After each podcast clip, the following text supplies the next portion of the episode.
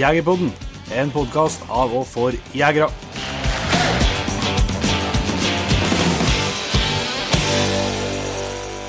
Hjertelig velkommen til en helt ny episode av Jegerpodden. Jon Ingevik, vi er, vi er i Trøndelag, men arslig lenger sør enn hva vi bruker å være. Ja, vi er det. Vi sitter på en uh, fin gård uh, rett utenfor Trondheim. Yes. Så det, det er, Vi har vel nevnt det, så må komme på det, hvis du ikke kjenner Trøndelag, så når vi snakker med trøndere som bor i Trondheim, så er det omtrent eh, ja, fire timer hjemme, da. Fire og en halv. Ja. Så vi, det er litt, eh, vi er litt på reisefot likevel. Ja, det, det går hele dagen, ja. Det. Men det er, det er trivelig. Og her, her er jo en prat med en eh, Jørgen Lø. Og eh, jeg tror han har stått på lista vår siden første sesongen. Ja, jeg tror jeg. Eller jeg tror ikke jeg vet det. Ja. Så det var kjempeartig at vi endelig fikk det til, og jeg vil absolutt eh, betegne det som en godbit av en episode. Mm. Der eh, vi er innom jeg vil si et, et flott mangfold. Ja. Det er jakt eh, både inn- og utland, det er over og under vann, og på lange og på korte hold. Yes. Så her, er vi, her dekker vi det aller meste, og Jørgen er meget dyktig til å fortelle og forklare, og inspirere, ikke minst. Så her er det bare å, å kose seg med godt over to timer med jaktprat. Ja, og det, det vil si at det, god, praten er god og lang. Derfor så tror jeg vi rett og slett bare setter i gang, eller? Ja, bare helt kort innpå før vi gjør det, at eh, vi har annonsert at vi skal trekke elgjakt blant våre kjære patriens. Ja. Og det blir eh, Trekkinga vil skje i torsdag den 5. juli. Ja.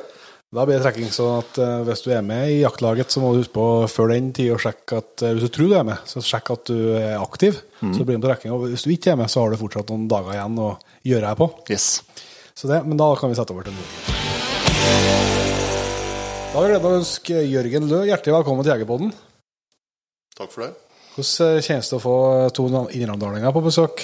Det er godt, Jeg kommer jo innan til, jeg er fra Steinkjer, så det er godt å få snakke litt bredt igjen. Vi sitter jo til deg nå utafor Trondheim, Bratsberg. Ja, Er det riktig stedsnavn? Bratsberg heter det her. Det er kvarter utenfor Trondheim sentrum. Ja. Og er ganske nyinnflytta hit, da. Vi kjøpte gården i fjor høst og flytta inn i april i år. Så um, det er ganske ferskt det å bli deltidsbonde og Ja. få sette i stand åkre og bygge fjøs. og Nå er det en litt drøm, det her bondelivet? eller? Det er en lang drøm. Jeg har kanskje kikka etter småbruk i ti år. Ja. Eh, og leita rundt Jonsvatnet, området rundt her, men pga. drikkevannsrestriksjonene rundt Jonsvatnet så har eh, mye av det vært vanskelig. Og nå fant vi en gård på Brassberg der det er litt mer eh, muligheter. Så nå blir det eget jaktterreng og god plass til å trene hunder. og ja, og plass til alt utstyret. Hengere og biler og firehjulinger. Alt som følger med. Alt som følger med. De som ikke kjenner deg, Jørgen, så har de jo hørt eh, din far kanskje på Jegerpodden før da du det, det, Vi fant ut det var runde nummer to. Det er bare i slekta til Jon Inge at det har vært far og sønn på Jegerpodden før, så det er jo en eksklusiv klubb. Ja, det stemmer. Pappa fortalte jo om eh, selfangst og hans jegerliv, og mye av det som egentlig har lagt grunnlaget for at jeg er så opptatt av jakt i dag. Så det, han har vært ivrig han nå på å fortelle meg litt om eh, hva jeg har gjort og første jaktårene mine. Og, Ja. Eh, Han er jo veldig flink til å skrive jaktdagbok og journaler og tidspunkt og vekte og alt i hop på dyrene, så jeg måtte spørre han i helga nå om å få litt uh, informasjon om mine ti første jaktår, i hvert fall, for dem husker ikke jeg så godt. Nei. Nei, vi kan, eh, du, ja, du kan jo først få se litt mer om deg sjøl, kanskje. Det er ikke alle som eh, kjenner deg sjøl om de har hørt far din på podkast før, da. Nei.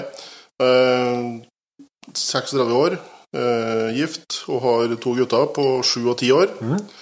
Og så er jeg stefar til to ungdommer på 18 og 19. Eh, opprinnelig fra Steinkjer, som jeg sa, men jeg har bodd tolv 12 år i Trondheim nå. Så jeg flytta hit når jeg begynte å studere. Utdanna revisor, og har jobba som revisor et par år. Og så har jeg vært eh, økonomidirektør og eh, ja, alt mulig mann for eh, en familie i Trondheim de siste ti årene. Og Der er det familien Christensen, som han Øyvind Christensen var jo også vært gjest i Ja, Jegerpodden. de opp- tidlige gjestene. En av de tidlige gjestene som fortalte om alle stanlandene han har jakta i. Hans jaktliv. Ja. Um, og det er jo sånn jeg fikk den jobben òg. Det er jo gjennom felles bekjentskap og felles jaktinteresser. Så vi møttes vel over en salgsdisk på G-Sport Lefstad i Munkegata, der jeg og Jørn Hagemo jobba der. Eh, og så ble jeg kjent med Øyvind og begynte å jobbe for han etter hvert. Så det, jakta har betydd mye for meg, både i eh, privat sammenheng og i jobbsammenheng. Ja, For jeg ser ikke meg at han kanskje er den sjefen som sier at nei, du får ikke dra på jakt. Nei, men han eh, kan si det hvis ikke han får være med. så, men vi har jakta mye sammen, og vi jakter mye hver for oss. Men det er en spennende jobb og en, eh, en krevende jobb, men også en fri jobb. Så det eh, gjør at man har mye muligheter. Klart det. Men eh, når du har snakka med far din på forhånd her, da minte han deg på første viltet du, du skjøt? da? Ja, han har jo skrevet ned veldig mye. Han, altså, han, eh, han har jo sagt uh, eh, mye om hvordan jeg starta jakt. Ja. Uh, første fisketuren min var da jeg var seks måneder gammel. Da var jeg på laksefiske Ja. Oppe i Namsen. Og da satt jeg på elvebredden mens eh, pappa var fiska. Og så slengte han en ørret bort til meg, eh, eller en sjøørret, som jeg begynte å sitte og ete på. Så det ble tatt et bilde som vant en sånn fotokonkurranse i eh, om det var Adresseavisa eller Aftenposten eller sånt. Årets bilde. Uh, og siden har det vært mye fisking og mye laksefiske. Det har blitt mye i siste. Men uh, første jaktturen da var beverjakt oppe i Nordli. Ja. Det var i april 1990. Da var jeg tre år gammel. Så da satt jeg på skuldrene til pappa mens vi gikk innover mot uh, Murubekken. Ok. La med en Joar Kløvjan. Han var tidligere lensmann oppe i eller ja. lensmann innom. Mm. Nei, er politi i hvert fall. ja. Politiet, ja. i ja. Pilerne. Eh, Og da lå vi ute i telt om natta og satte ut feller. Og så fikk vi en bever på 17 kilo da, i Connybergfell, så det lå i loggen. så jeg husker ikke alt sammen av det sjøl, men eh, jeg har jo sett bilder og blitt fortalt historiene såpass mange ganger at eh, det føles som at jeg husker på det. Og har vært der, eller husker på veldig godt. Og foreldrene mine er veldig gode til å ta vare på sånne minner gjennom eh, bilder og fotoalbum. Så hjemme til dem på Steinkjer så er det fortsatt eh, mye fotoalbum i hyllene du kan sette deg og bla i. Ja. Og det, Ja, men det ser jeg vi fikk jo vi ja, jeg har jo skrevet ut noen bilder til dere i dag òg, for jeg syns det er litt artig å se på fysiske bilder. Ja. Som vi snakka om, ikke bare sitte og bla i en iPad. Det, det, er Så- faktisk, det er faktisk mye større forskjell i en Hver gang jeg får bilder i handa, så det er jo helt en opplevelse å sitte og se på skjermen. Ja, det er det. Samtidig så savner jo du òg muligheten til å zoome inn i bildene. Hvis le- leter etter en eh, geit oppe i fjellsida her, så er det så det, men det er klart det å lage seg noen bøker, lage seg noen, noen sånne fysiske minner, det er så mye artigere å ta fram og vise frem Ja. til kompiser og fortelle om en jakttur eller en reise man har vært på. Mm. Så, um, så det syns jeg er viktig, og det skal jeg prøve å jobbe litt mer med sjøl òg, for jeg har veldig mye bilder på telefonene. Mm. Uh, Telefonene, faktisk. eller fra gamle telefoner. Jeg har én telefon som jeg bruker nå, men eh, jeg har jo noen sånne eksterndisker med gamle backuper og forskjellig. og jeg så bare på telefonen min nå, så har jeg vel over 10 000 bilder. ikke sant? Hvor mye av det er jakt? Kanskje mesteparten. Ja. og du skal da lete etter ett bilde for å vise fram Ja. det ene trofeet, så I stedet for å gå i hylla og så hente ut den boka fra f.eks. fra Afrika eller fra en jaktreise. Men første viltet mitt, ja, eller første, så det var første jaktturen. Eh, første viltet mitt, det, da var jeg fem år da jeg var med på den første jaktturen. Eh, da var vi på rypejakt i Verran. Eh, Jeg husker vel, Den turen da begynte jeg å huske, så hadde jeg vært med. For jeg husker at jeg, var, jeg og brorsan var og fiska i en liten bekk og fanga bekkørret med hendene, for det var en gytebekk der. Så fikk vi fanga noen fisker, og vi tente bål og mye ryp. Eh, Det var 92. Og vi jakta veldig mange år i Verran eh, og lånte ei hytte av en kompis der. Eh, Der skjøt jeg første rypa mi. Ja. Men det var ikke det første viltet mitt, da. Eh, Det første viltet det skjøt jeg relativt tidlig. Eh, og da tenker jeg storvilt, og jeg har sikkert skutt trast og forskjellig sånt i hagen med luftgevær og sånt. Eh, Men eh, første viltet, storviltet som jeg husker på, var en pappa på rådyrjakt. Og så lånte jeg mamma sin Lakeland-rifle i 6,5. Jaha. Eh, Den hadde jeg skutt en del med før, trena litt. Jeg starta med sånn rekruttskjøting innendørs da jeg var sju år. Ja. Og skjøt litt DFS. Um, han pappa sneik oss opp en høgde, fikk oversikt over et lite jorde, og der var det geit med to kje som for og sprang. Og geita for å beita, mens kjeene for å leke seg litt. Og sånt. Og jeg fikk lagt meg ned med børsa og fikk godt anlegg. Og pappa sa at hvis, hvis du er klar nå, så skjøt du det bakerste kjeet. Og jeg gjorde noe som jeg ble opplært til, og gikk opp foten og sikta midt i bogen og klemte på. Og noe mer så ikke jeg. Nei. For da var det både adrenalin, og det var sjokk over et høyt smell, og det var Ja, så jeg måtte spørre pappa om datt det. Og det kunne han bekrefte at det gikk rett ned i smellen, og da hadde jeg skutt mitt første rådyr. Ja. Da var jeg ni år gammel. Oh, ja, såpass. ja, for du, du nevnte relativt tidlig, ja. Ja, jeg begynte relativt tidlig. Så litt før man skal, kanskje. Men eh, jeg hadde trena mye skjøting, og det kommer man litt tilbake til. at det er noe jeg alltid har syntes har vært veldig viktig, å trene mye skjøting. Ja. Uh, og det, det at første viltet mitt ramla på Storfosna, uh, som nå sjefen min eier i dag, det syns jeg er litt artig. Så når jeg går og jakter på samme områder nå, og Ja. går og jakter rådyr og 28 år senere, så kjenner jeg meg igjen. Liksom, Ja. tenker at her, her begynte jeg karrieren, og her er jeg nå. ja. Så det er litt artig. Men uh, tilbake til værene, så skjøt jeg første rypa mi i stand for egen engelsetter når jeg var 11. Da lånte jeg mamma si beretta en sånn 20-kaliber eh, over under Lady-hagle. Det passa greit til en nesten konfirmert gutt. Så å si konfirmert. Eh, Den første elgen den var innafor 18-årsdagen, så da, det var i 2007. Da skjøt jeg en eh, fjordokse på Steinkjer. Så jaktinteressen ble tidlig sparka i gang, og har jo egentlig fått det inn med blodet og med livserfaringene og med livet på alle måter. Ja. Det har vært jakt eh, i familien hele tida. Jakthunder, jaktvåpen. Ja, det var, det var det vi drev med. Vi ser se nå, da.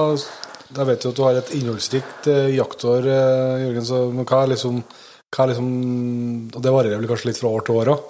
Du, du, er mye på reiser og nå, men hva, liksom, hva er det som er, alltid er på menyen skal jeg si, på jaktåret?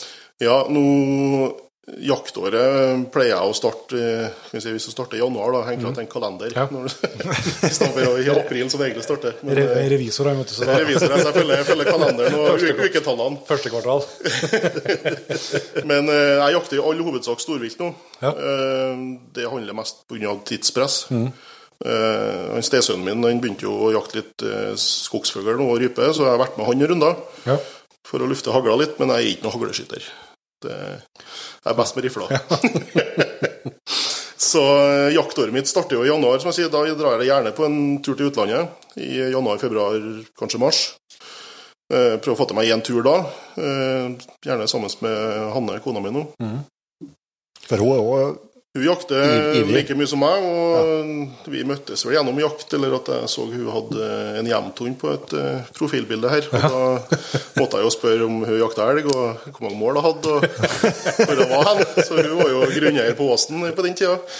Så da ble jo egentlig den felles interessen det som uh, førte oss sammen. Ja. Så vi har, uh, etter vi ble i lag for ja, fem-seks år siden nå, fem år siden, så har vi jakta veldig mye sammen. Og det er jo trivelig å finne noen som skjønner hva jakta dreier seg om, og hva interessen eller lidenskapen dreier seg om. Eh, mange sier at det, det er greit å ha en hobby alene, men, men samtidig syns jeg at det er fint å ha med kona på jakta òg, for da er det litt lettere å få til å det bort. Ja. Eh, for hun forstår hvorfor. ja, så er det noe med å få dele øyeblikkene. Ja, Du får dele øyeblikkene, og så får man kanskje litt mer forståelse for at du faktisk har lyst til å ut i jakt hver helg òg. Ja. Så, eh, nei, så jaktåret det starter jo da med at vi drar på en tur på vårparten tidlig i vinteren. Eh, vært i Spania på Monteria, eller sånn drivjakt. Vi har vært i Slovakia, Ungarn, Tsjekkia, Polen. Villsvinjakt og dåhjortjakt. Så det er stort sett drivjakt da, en eller annen plassen. Eh, mars til juni så er det jobb. det er årsoppgjør og mye arbeid, mye timer. Eh, men prøver å få lagt inn en del skyttertrening. Vi har skutt en del jaktfeltstemmer sammen, både Hanne og eh, trener en del langholdsskjøting. Uh, Jonsson skytebane ligger jo ti minutter unna her vi bor nå, så eh, jeg ønsker å ha skutt 1500 skudd minimum egentlig før eh, jakta starter. Ja. Det er ikke så mange turer på banen, for å skyte 50-60 skudd på en formiddag på banen, Mm. så er det ikke så mange turer. Nei. Eh, og jeg snakka med flere som vi har prøvd å lagt inn så at vi får til én skytetrening i måneden, f.eks. Ja. En ettermiddag eller en formiddag. Og da får man jo skutt mye mer enn det man gjør til vanlig, og man føler seg mye tryggere, og man eh, får en bedre jakthøst. Mm. Eller sånn ordinær jakt. Norge starta jo revejakta. eh, Den starta vel 15. juli. Hvis ikke jeg husker helt feil nå. Mm. Jo. Eh, og det pleier jeg nå stort sett å reise litt dit vi har rådyrjakt. Og så prøver jeg å jakte litt rev i, i slåtten, skal jeg si, der det er nyslåtte og jorder. Og der er ofte reven kommer og leter mus og andre ting langs kantene. Så får man sette seg ut, følge med litt etter rådyrbukken samtidig, og så prøve å se om det er noen interessante bukker i området. Ja. Så at man ja, jeg er ikke så opptatt av rådyrjakt bukkejakt at jeg bruker veldig mye tid ut på rekognosering, men kombinert med revejakt så er det interessant. Ja. Så får man gjort to ting samtidig. Yes. Eh, Så er det litt rådyrjakt. 10. august når bukkjakta starter. Jeg har alltid pleid å vært eh, ute en par dager. Mm. Og så er det villreinjakta som starter 20., som er det, det store. Det er fast takst. Ja, det har vært Stort sett så har det vært årlig at jeg har fått reinskort. Ja. Nå i år har jeg ikke fått noe på trekning ennå. Jeg sitter og lurer litt og kikker litt på annonser eller ser, følger med litt om det dukker opp noen muligheter. Men eh, det kan jo være et år uten jakt òg. Men eh, uten villreinjakt.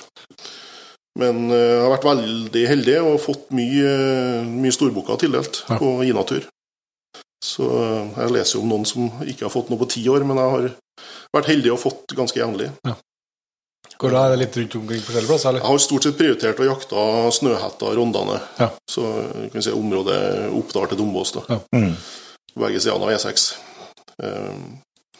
Og trives veldig godt med det. Mm. Da blir du litt kjent, og du vet litt hvor du skal gå hen, og vet hvor dyrene bruker å trekke hen. Og... Ja. Så, Ja, er det noe relativt nært òg. Ja, Det er ganske kort vei å kjøre, så det går an å kjøre ned en fredag og jakte lørdag og søndag, og så kjøre hjem igjen. Ja. Så det passer veldig greit med både jobb og unger. Eh, Så er det jo når eh, septemberen begynner, så er det hjortejakta. Der har vi, vi har mye hjort på kvotene våre, så vi jakter hjort på Hitra og Høllånda i all hovedsak. Rett på Aure.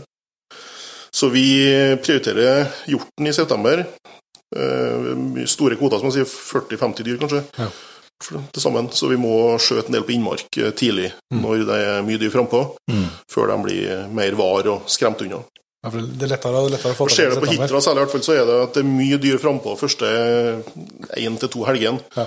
Og så blir jeg mer var og trekker inn i terrenget og mm. forsvinner litt, på en måte. Begynner å skjønne tegninga. Jeg begynner å skjønne at det var ikke så lurt å stå og ete så lenge ute på ekra her. Så, og da er det jo lyst eh, nesten hele døgnet, eller i hvert fall tidlig lyst. Så, så da får man jo jakta mange timer. Eh, oktober så er det elgjakt.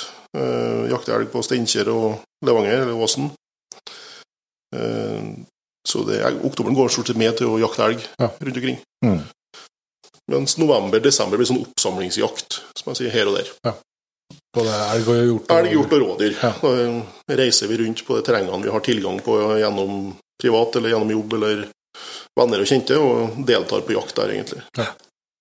Så det er nå liksom jaktåret. Så det, det er jakt i nesten hver eneste helg fra august til jul. Nå når du har kjøpt gården, så er jo grunneier her. da Har du begynt å lagt deg noen sånn grunneiergange og liksom litt tenkt litt hvordan, hvordan grunneier skal du være?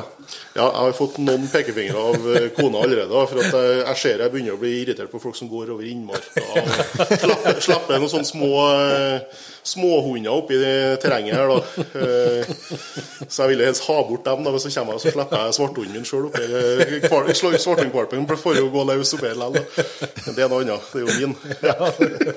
Så litt Så sånn eh, jeg har fått beskjed om at jeg må passe på at jeg blir en sånn grunneier. da, grunneieren ikke kan begynne å melde seg med en gang. Ja, det er Han er utrolig, sånn, altså. han er sånn, sånn en Petter, han sier da hvis jeg blir grunneier, så skal jeg bli, alle skal få lov til å gjøre akkurat som de vil. Så det er så lett å si når du sitter der og ikke grunnjere. Du har to mål. Ja, er akkurat det. Nei, og så er det jo vært en del utenlandsturer. Vi har jo reist mye eh, og jakta på kort tid, kanskje òg. Eh, jeg, jeg vil gjerne ha en to én til to, kanskje tre turer i året i utlandet. Ja. I fjor var det et sånn ekstremår. Da hadde jeg sju turer til utlandet. Ja. Så, for da var det Covid nå ferdig, og så hadde jeg en par turer samla opp Ja. som var blitt forskyvd pga. covid. Eh, Jeg hadde en uh, uforretta sak i Østerrike. Mhm. Jeg og Hanne var på Ibex-jakt eh, for to år siden. Hvor jeg skulle skyte en stor bukk, og hun skulle eh, få jakte hvis det var muligheter. Mhm. Og så endte det opp med at hun skjøt en kjempesvær en, og jeg fikk ikke tak i noen ting. sånn har det av og til vært når vi har vært på tur. Hun får de beste postene og skjøt de største dyrene. Men eh, det er flott, det. Det, det, var, det, var, det, var, det var kjempeoverbevisende, den her eh, Godt forsøk. Nei, jeg gleder meg jo på hennes vegne, selvfølgelig. Men jeg hadde jo lyst til å nå det målet jeg hadde òg, som var å skyte en, en steinbukk i Østerrike etter å jakta tre dager oppe i Alpene der og, og slette seg ut fra før det var lyst til det ble mørkt. Så, Det er motbakka der òg. det er motbakka og 3000 meter pluss, så det, du har ikke så mye puls. Eller du har ikke så mye pust oppi der. Det er mye puls, men Mye lite pust. pust. Det merkes, det. Eh, Nei, så da i fjor var det muflonjakt i Ungarn i januar og Monteria i Spania i februar. Så dro jeg til Spania og skjøt en Ibex i april. Eh, Jakta svart rådyr i Tyskland i juli. Eh, Steinbukk i Østerrike i august. Og så dro jeg til Hellas og jakta en Ibex eh, på øy der i november. Og så var jeg en jobbreise, eller jakt og jobbreise i eh, november til Mosambik. Ja. Så om farmen som vi eier der. Ja, noen, må jo ta, sånn, ta ansvaret. Og se Ja, det var, man må se om dyrene. Skjønner det? Så, nei, men Det var en veldig, veldig spennende opplevelse. Første turen til Afrika var spesiell.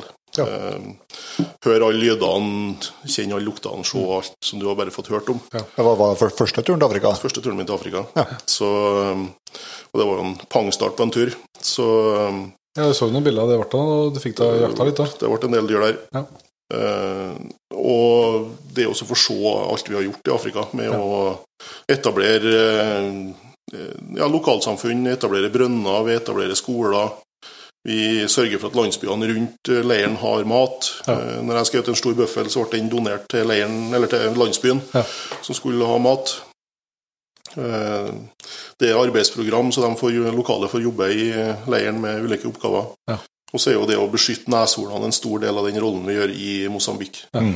Så vi hadde vel rundt 16 hvite neshorn og to svarte, tror jeg, i den perioden vi var der. Ja. Så det Som dere, som dere så. vi så noen vanlige hvite neshorn, ja. Ja. Er, de er ikke hvite, de er grå. da. Men, ja. Leppene er hvite, det er det som er Kjennetegnet. svarte. Ja. Ja. Så vi så noen neshorn, og vi, det er masse elefanter, det er masse løver, leoparder. Så det er et rikt dyreliv. Mm. Det er jo takket være at vi passer på det. Og har mye folk i sving for å kunne Ja, få det det er 30-talls uh, som jobber innenfor antikrypskyting. Ja. vet du. Det er bare vet 30 stykker som passer på å passe på. Men klart det er store Ja. områder. og- Det er 350 000 mål Ja. som patruljeres eh, minst en gang om dag. Ja. Og sjekke ytre perimeter med gjerde, at det er i orden, og sjekke at det ikke er noen folk som har kommet over eh, innsjøen. Og, ja, det fly, flyges med helikopter eller minifly for å sjekke at uh, neshornene er der. Og, Er det, er, det fortsatt, er det fortsatt like aktuelt, det med, med krypskyting og ja, Ja. Det, kineserne eh, de blir aldri lei av å tygge på et neshorn for å tro de får uh, bedre potens. Så er jo det samme som heter på en negl. Neshornet sitt horn og er samme Derfor vi har så lite negler. Det er samme stoffet i det hornet som det er i neglene våre. Ja. Så det bør gi samme effekten. Det funker, det. For å si det sånn. Nei, så Det var et veldig spennende og innholdsrikt år. Jeg tror nok at fremover så blir det litt, eh, litt færre turer, men det blir mer krevende og lengre turer. Ja. Så de jeg holder på å planlegge nå fremover, de, eh, det blir sånne tidagersturer, litt mer ekspedisjonsprega enn det som er kanskje å ta en langhelg i Spania på jakt. da. Ja, Vi må bare tilbake til det, for der har du noen heftige planer. Men du nevnte eh, svarthundkvalp, og så har dere en hjemtur? er det sånn? Ja. eh, Jeg har vokst opp med hunder fra foreldrene mine. Eh, De hadde jo stort sett engelsettere eller ja, og gordonsetter og litt forskjellig, og drever. Og så senere tid så har pappa begynt med dunker, Ja. og jakta veldig mye horro med dunker. Eh, Så, men sjøl så har jeg, eller Hanne har eh, ei hjemtundtispe på fem år. Jeg har nå adoptert den. Ble med på lasset. Eh, og så har vi fått i oss ei svart elghundtispe nå i påska, så vi er fem måneder. Og så skal vi hente en Kleine Münsterlander i Sverige om to uker. Ja. Som blir en sånn støtende Ja. fuglehund, egentlig, men, eller alt mulig hund. Så vi skal ha den på hjort og rådyr. Primært og få den til å jage ut eh, dyrene fra små, tette områder som vi har. da. Ja. Sånn typisk bynær jakt, eller Ja, ja. små områder hvor de ikke skal henge på noen ting. Ja. Så, så det jeg syns det er liksom å bruke egen hund i jakta i en helt egen dimensjon, er at du får eh, samspillet med hund, og særlig når det lykkes, da, så er det jo ekstra artig. Ja, ja. Eh, det er klart det er mye frustrasjon og mye skitthunder. eh, men eh, heller det er kanskje ikke skithunder bestandig. Det er at vi, føreren ikke er god nok, eller at man er uheldig med vær og føre. Eller, Ja. Det er så eh, klaff. ja, det er opp og ned, da. Ja. Men eh, det er ekstra artig med egen hund. Oppturene blir er enda høyere, liksom. De blir det. Eh, og så har jeg jo gått opp til blodsporprøve med jevnthund. Både jeg og kona er godkjent uh, til ettersøk. Ja. Og det er jo en fordel å ha egen ettersøkshund. Ja, Fer mye rundt ja. Vi jakter mye, fer mye rundt. Det er ikke alltid at det er så enkelt å få folk til å rykke ut, kanskje. Nei. Eller eh, man er mye mer sjølhjelpen, i hvert fall, med Mm. egen ettersøkshund. Ja. Det er ikke at det er ettersøk, men det kan være en hjort som sprenger av åkeren eh, sent på kvelden, og så Ja. stikker han 50 meter inn i skogen. Mm. Da er han borte. Ja. Eh, hvis du da skal begynne å kalle ut en ettersøkshund, og alt det der, så er det mye arbeid for at du skal egentlig bare gå et sånn dødsøk. Mm.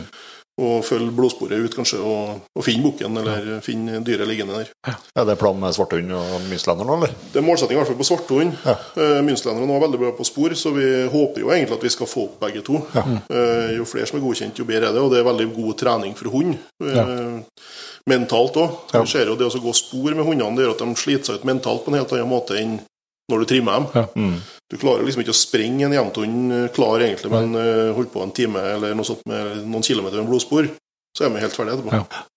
Ja, så bare det å gå dødsøk òg. Det er jo Ja, og det Det tenkte jeg med svarthundkvalpen. Den er jo Den er jo en seks Jeg skulle se, den blir ni måneder, kanskje, sånn at vi begynner jakta da. Ja.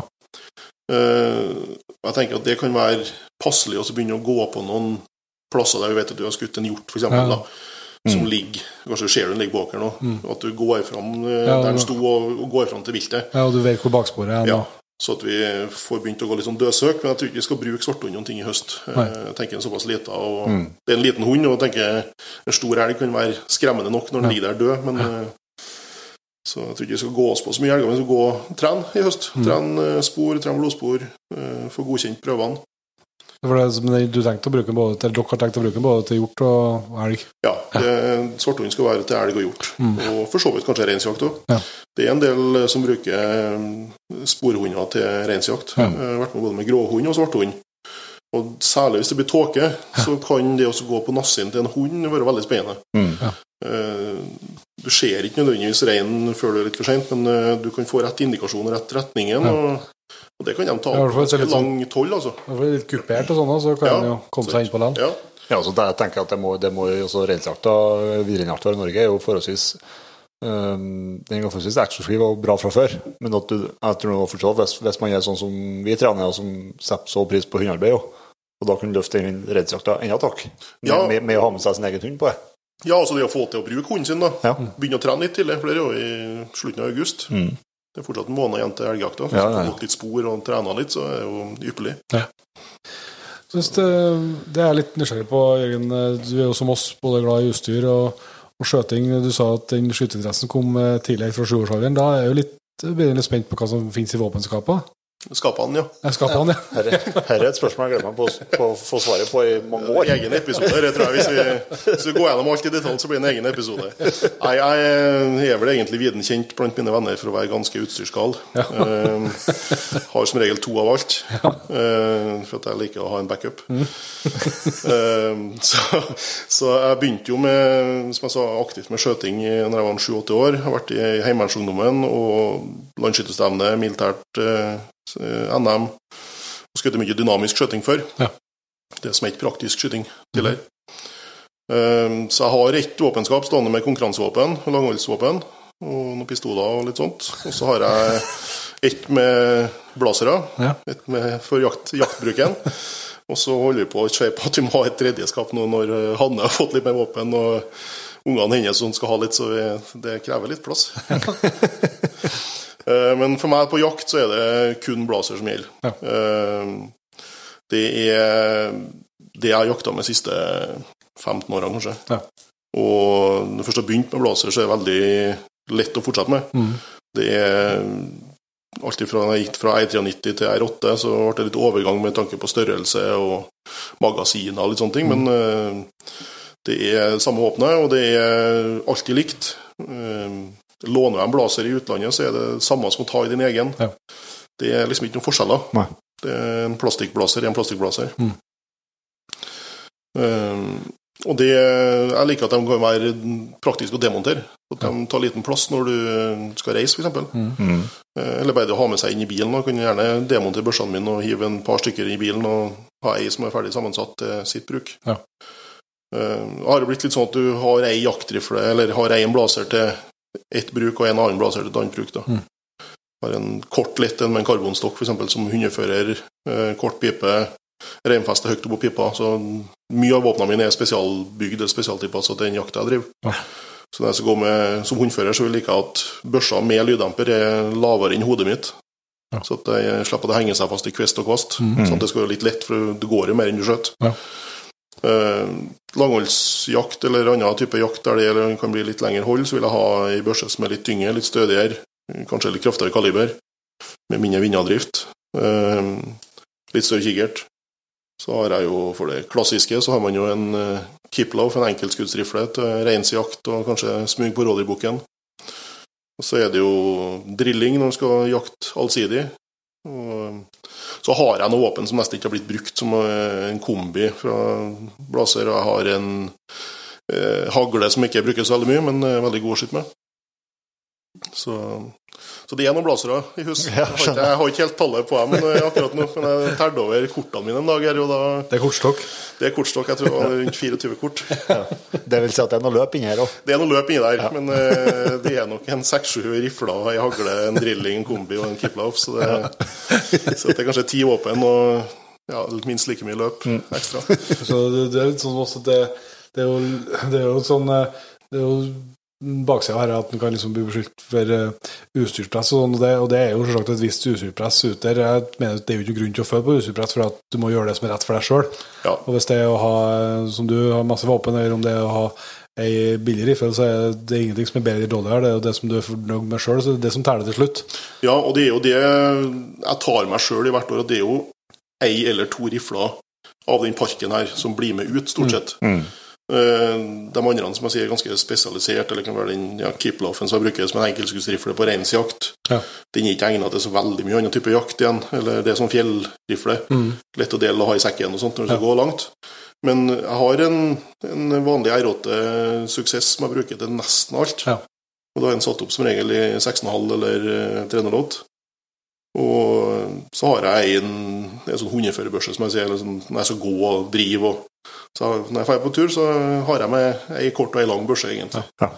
Det, det er det som er stort sett hele jakthøsten blir med ut. da. Ja. Så alle de andre står jo dessverre i skapet og støver ned, og det, det er jo litt synd å ha kanskje så mye Ja, stående men- på lager. Men jeg, jeg er mye bedre på å kjøpe enn jeg er på å selge. da. Ja. ja, men så, men så det jeg skal så, så, altså at, at det liksom Det blir jo litt sånn eh, det er jo, Meg og Inge og er jo litt i den gata her. Altså at det er jo det alle pengene og all tida har gått til. Det er jo jakt. Og da, Det- da blir jo det rett i Det er jo, det er jo den store lidenskapen, den store hobbyen, så det er jo det, vi det, det pengene går til, og det tida går til. Ja. Og det, hobbyer skal jo være noe man bruker fritida si og øh, ekstra penger på. Mm. Så Nei, og litt så blaser er jo litt som Lego fra gutta. sant? Det er artig å sette sammen Ja. nye kombinasjoner med løp og dempere og kikkerter og litt forskjellig. Ja.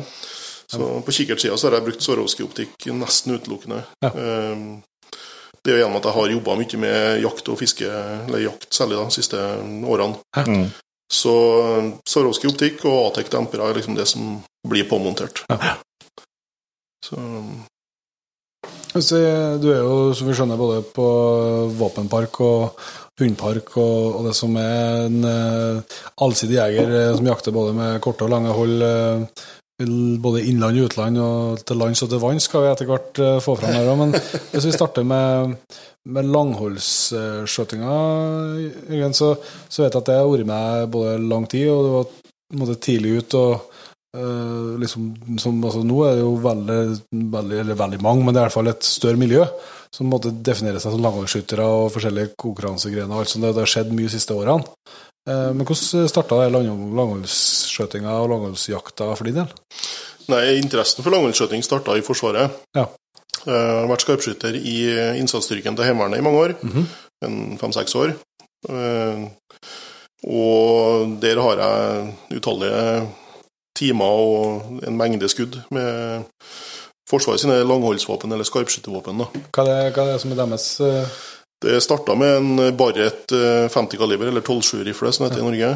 Eh, En sånn eh, mør materiellødeleggelsesrifle. Ja. Det gjør litt bedre ved i vellinga.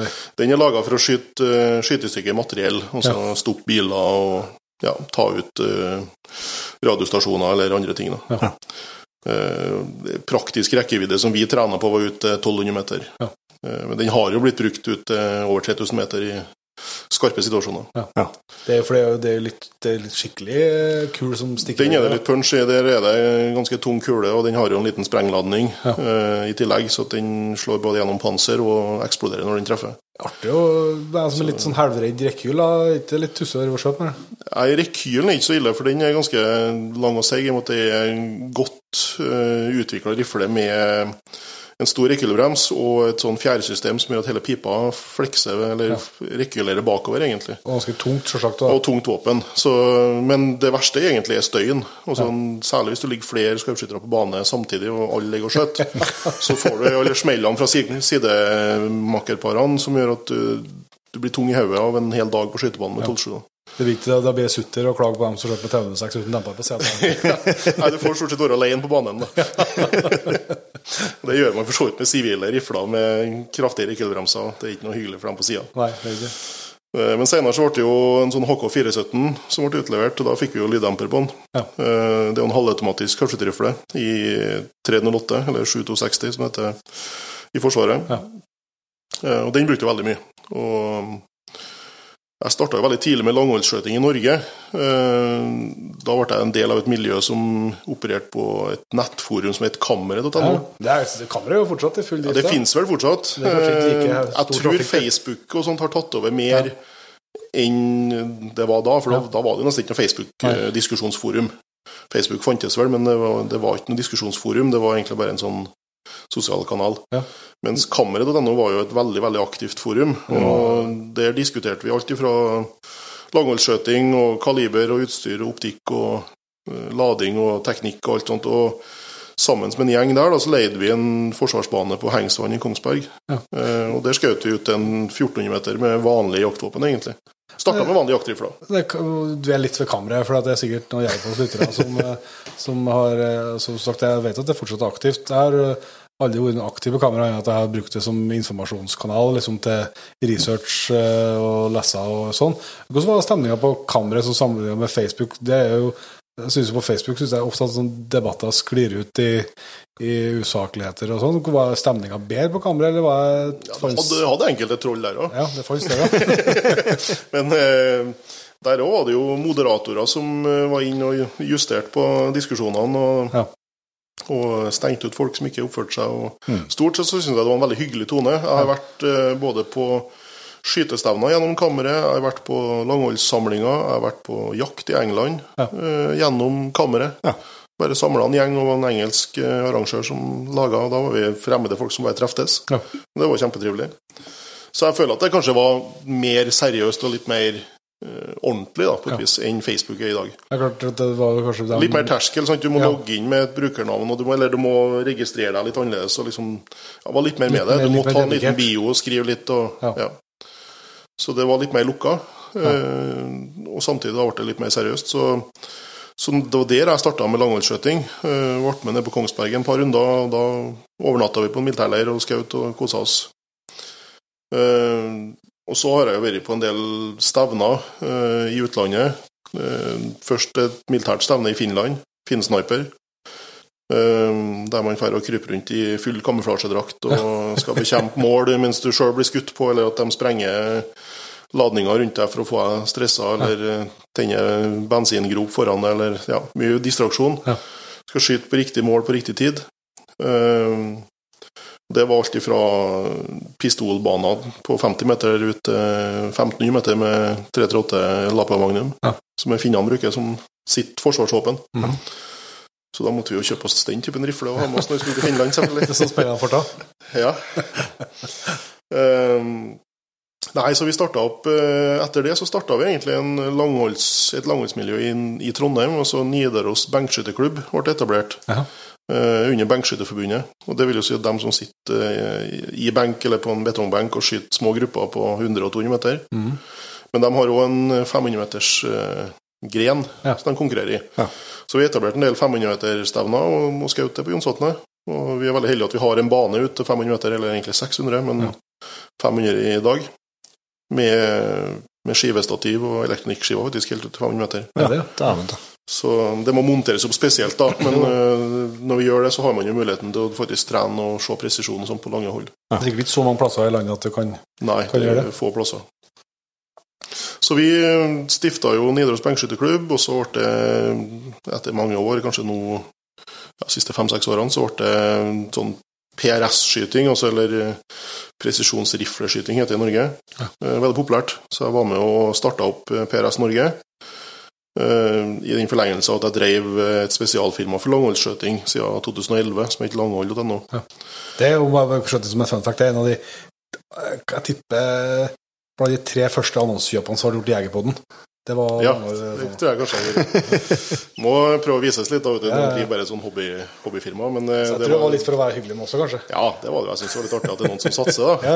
Det som vi snakka tidligere om her, med alt fra hundkåper til andre, eller hundkasser til andre ting. Jeg syns det er artig med norske firmaer som satser på nisjeprodukt. Ja. Um, Ja, det var jo, det var jo Langhold det Langhold så så- var jo det sjøl. Altså, vi starta å importere montasjer fra Spur i Sverige. Um, så jeg var liksom den første som fikk lov til å eh, eh, importere dem i Norge. Ja. Og vi begynte med det i 2011.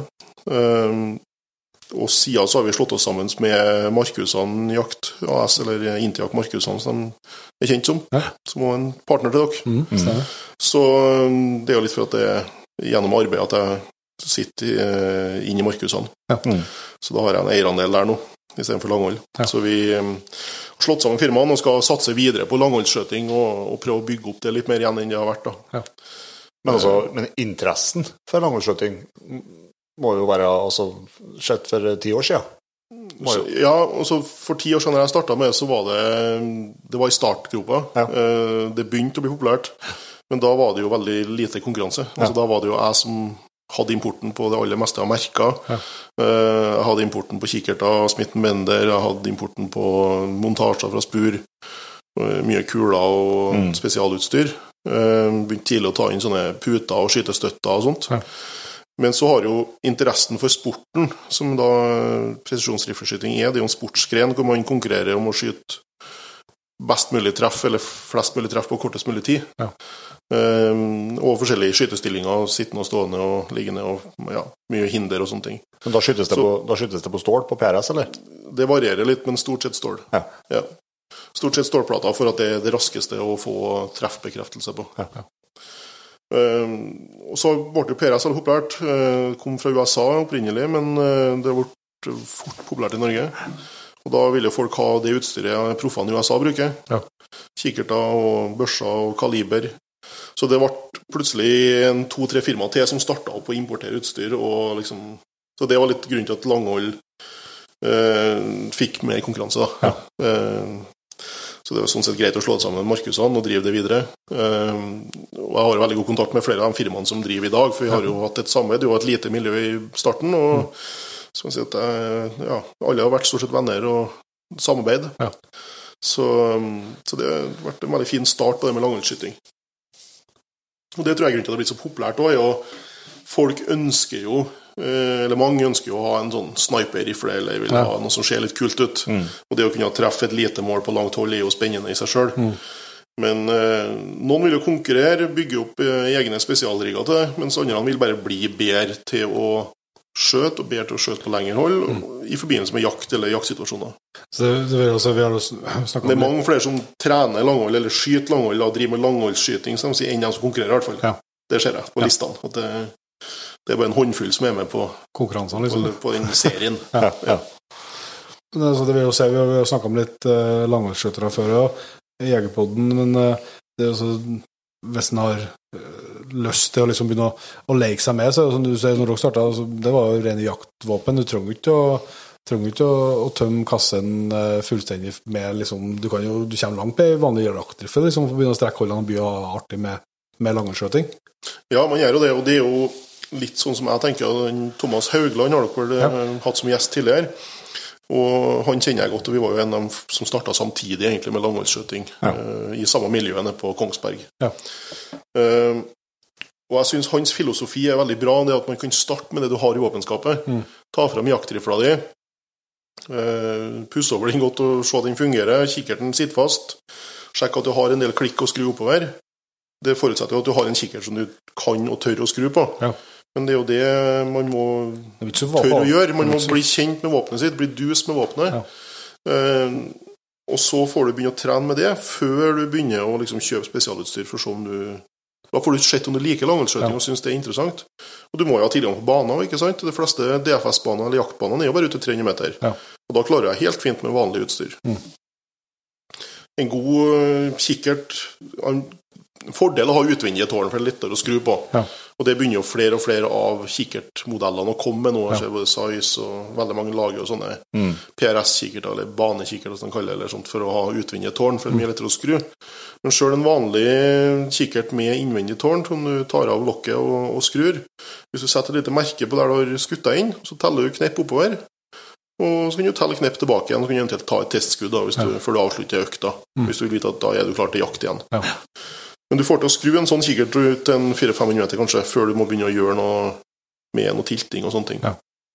Grunnen til at de tilter kikkertene, er jo for rett og slett å få mer klikk eh, oppover. Mm. Men da kommer det ofte ikke under 100 meter igjen. Altså du, får, du har ikke mange klikk å skru på nedover. da, du. Nei, nei. Eh, En size har cirka, eller de fleste kikkertene har ca. en meter justeringsområde. Ja. Vil si 50 cm opp og ned. Mm. Hvis du tilter 40 cm i én retning, da, så har du 90 opp og så har du bare 10 ned. Da. Ja. Så, um, men da kommer de mye lenger ut. Ja. Eh, Men sånn og en vanlig rifle med 308 eller 6,5, det, det funker helt fint ut 8-9 meter. Det. Ja. Så, Og det er langt nok for de fleste. Det. ja, da, du, du kommer jo ikke så langt uten at du begynner å ha en spesialkikkert, Nei. eller at du har tilta montasjen din igjen. Da. Men, altså, men, altså, for å begynne du 500-600 meter er jo kjempelangt for en, Det det. for en Eh, vanlige dødelige sånn som oss som skjøt på, vant til å skjøte på maks 100 meter liksom, på bane. Så mange så kan jo 200 meter være langt òg. ja, Mm. Så ikke det spørs hva du trener på, hvor Ja. du jakter hen. Mm. Jakter du primært elg i litt tett skog, så er det jo fra 30 til 70 meter du skjøter på. Ja.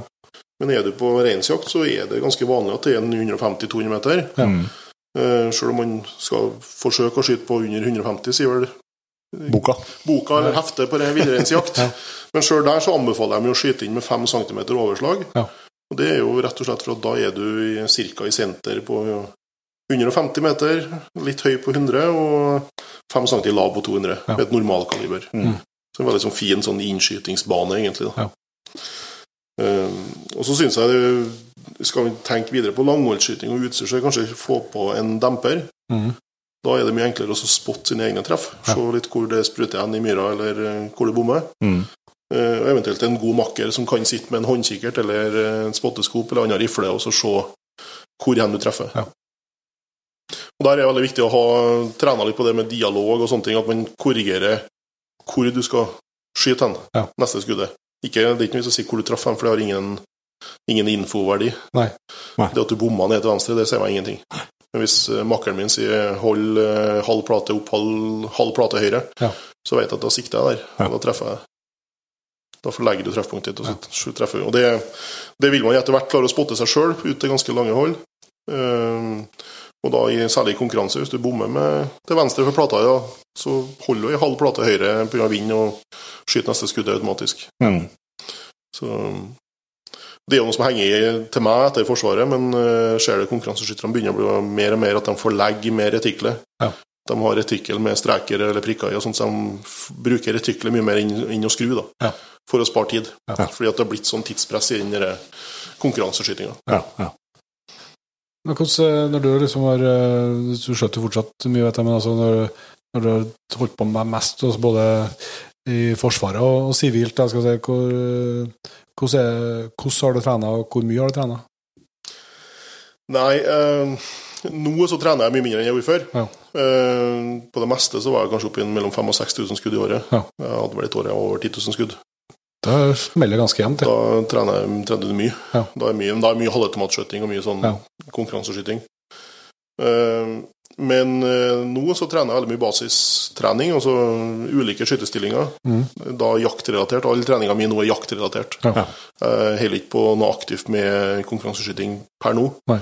Eh, Det har litt med tidspress å gjøre, med unger og jobb og nye, nye prosjekter på gården og litt sånt. Ja. Eh, Jeg har litt lyst til å komme i gang med, med jakt Nei, med PRS-skjøting igjen, da. Ja. Det har jeg lyst til. De måtte vært med og dratt i gang, så må man prøve å komme i gang med det igjen. Ja. Og være med litt.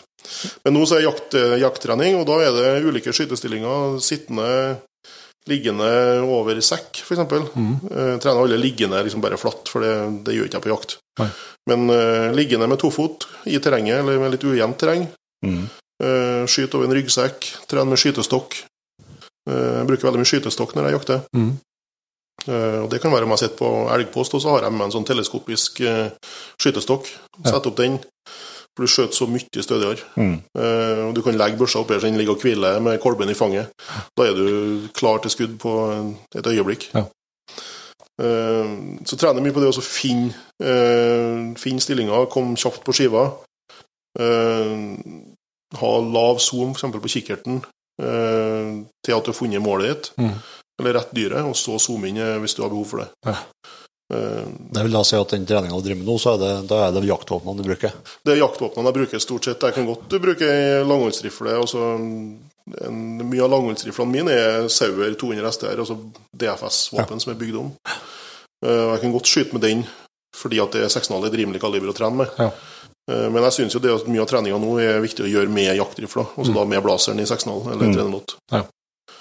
Eh, Og det har blitt sånn som vi snakka litt om, at det er jo Man trenger ikke noe magnumkaliber for å drive og skyte på langhold. Man trenger ikke eh, det dyreste og beste kikkertene, men uh, tren med det du har. Mm. Og tren nok. Ja. Det er heller mer skudd Mm. enn for lite.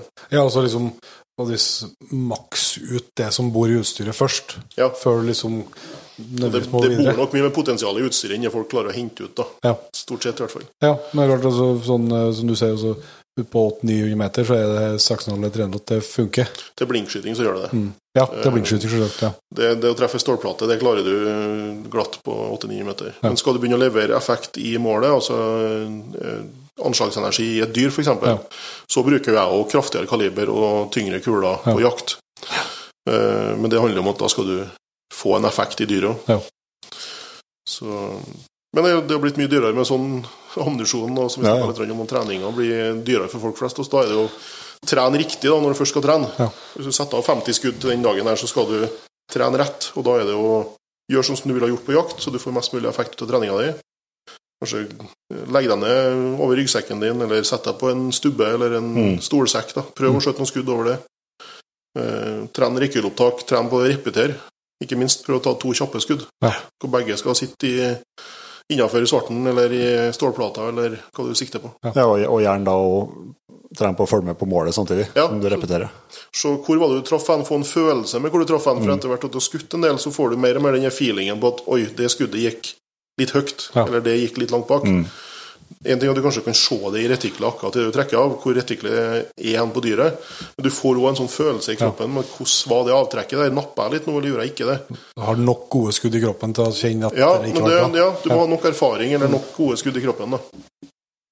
Uh, altså, jeg er jo alltid nysgjerrig på det når jeg snakker om langholdsskjøting, men hva, hvor langt har du skutt? Hvor langt hvor langt, altså, hva lengste du har liksom testa? Det lengste jeg har skutt med jaktutstyr eller sivile langhåndsrifler, er vel 1400 meter. Ja. Eh, Og da traff vi greit med 6,5 egentlig, innenfor en sånn halvfigurs størrelse. da. Ja. Uh, og det, Jeg har skutt ut en 1500-1600 meter med, med 12,7, og det, det fungerer greit, det òg. Ja. men det, det blir mye som påvirker. altså Det, det er særlig vind og, Ja. vind og skytteren, altså rekylopptak og sånt som påvirker. Så, men jeg- hva, hva er langt? Altså det spørs hvem du spør. ja, ja, ja. Det, Nei, det, jeg vil jo si at ut til 300 meter er liksom langhold for folk flest. Ja. Eh, altså det er i hvert fall lange jakthold Ja. ut til 300 Ja, ja. meter. Mens eh, 300 til 600 er kanskje det jeg kaller langholdsskjøting. da. Ja.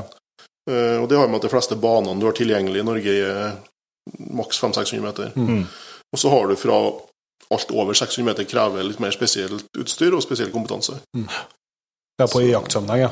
Ja, eller på baneskyting. Og egentlig, altså, ja. du, Skal du skyte lenger enn 60 meter, så bør du ha en kikkert med nok klikk, f.eks. Eller du har tilta montasjen din. sant? Så da Mm. eh, Du klarer det med jaktrifla di hvis du modifiserer litt. ja. For, ja det, for det, det her rene langholdskikkertene, altså de som er De har mye mer justeringsområde. ja, det er noe mye masse mer klikk. Ja, Du kan f.eks. skru to runder istedenfor én runde på en vanlig kikkert. Ja. Men det er jo lettere å rote seg bort igjen hvis ikke en kikkert som tydelig markerer hvilken runde er du på, Ja, f.eks. ja. Så Men det vanskelige med langholdsskøyting er jo øh, vind. Ja. Mm. Altså, det er den vanskeligste faktoren du er nødt til å ta hensyn til. Kulefall og spinndrift, som en del snakker om, eller eh, jordrotasjon, Ja. eller eh, Coriolis-effekten. Altså, det er matematikk. Det er bare å det regne kan ut. en app ta Det tar en app å regne ut for deg. Mm. Men eh, så det er da For kulefallet tar du jo å teste hastigheten på de børser, Mm. din patron. Det er viktig, da. Du må måle i de riflene. Det nytter ikke å lese på pakken. Nei. Fordi at løpslengde har mye å si. Mm. Eh, og hvert enkelt løp kan jo ha mer eller mindre motstand, kunne si, eller Ja. trangere eller rommere løp. Ja. Det gir litt forskjellig hastighet. Så test hastigheten på eh, kula di eller patronen din, og legge inn kuledata i en app, så får du egentlig tabellen for hvor mye du skal skru opp. Ja. Den sier jo hvor mye du skal skru på to meter i sekundet vind, eller fire meter i sekundet vind. Mm. Men det er opp til deg som skytter å bedømme hvor mye blåser det, og hvilken retning kommer vinden ifra. Ja. Eh, Får du jo vind eh, rett forfra, så har den veldig liten effekt. Mm. Får du den rett fra sida, så har den full effekt. Ja. Og kommer den eh, på skrå foran da, klokka ett eller to, så har den ja, en 60-70% effekt. Ja, og så når du begynner å strekke holdene nå, så er det ikke sikkert det altså, Da vil det være Nei, da har du jo ofte forskjellig terreng foran deg. Ja. Det kan være en skogteig som står frem som blokker vind, mm. eller skyter over en dal, så har du ofte dobbel effekt av vind. Ja. For da er kula di så høyt oppe i luftlagene at du har dobbelt så mye vind der som du opplever på bakken der Ja. du ligger og skyter. Ja.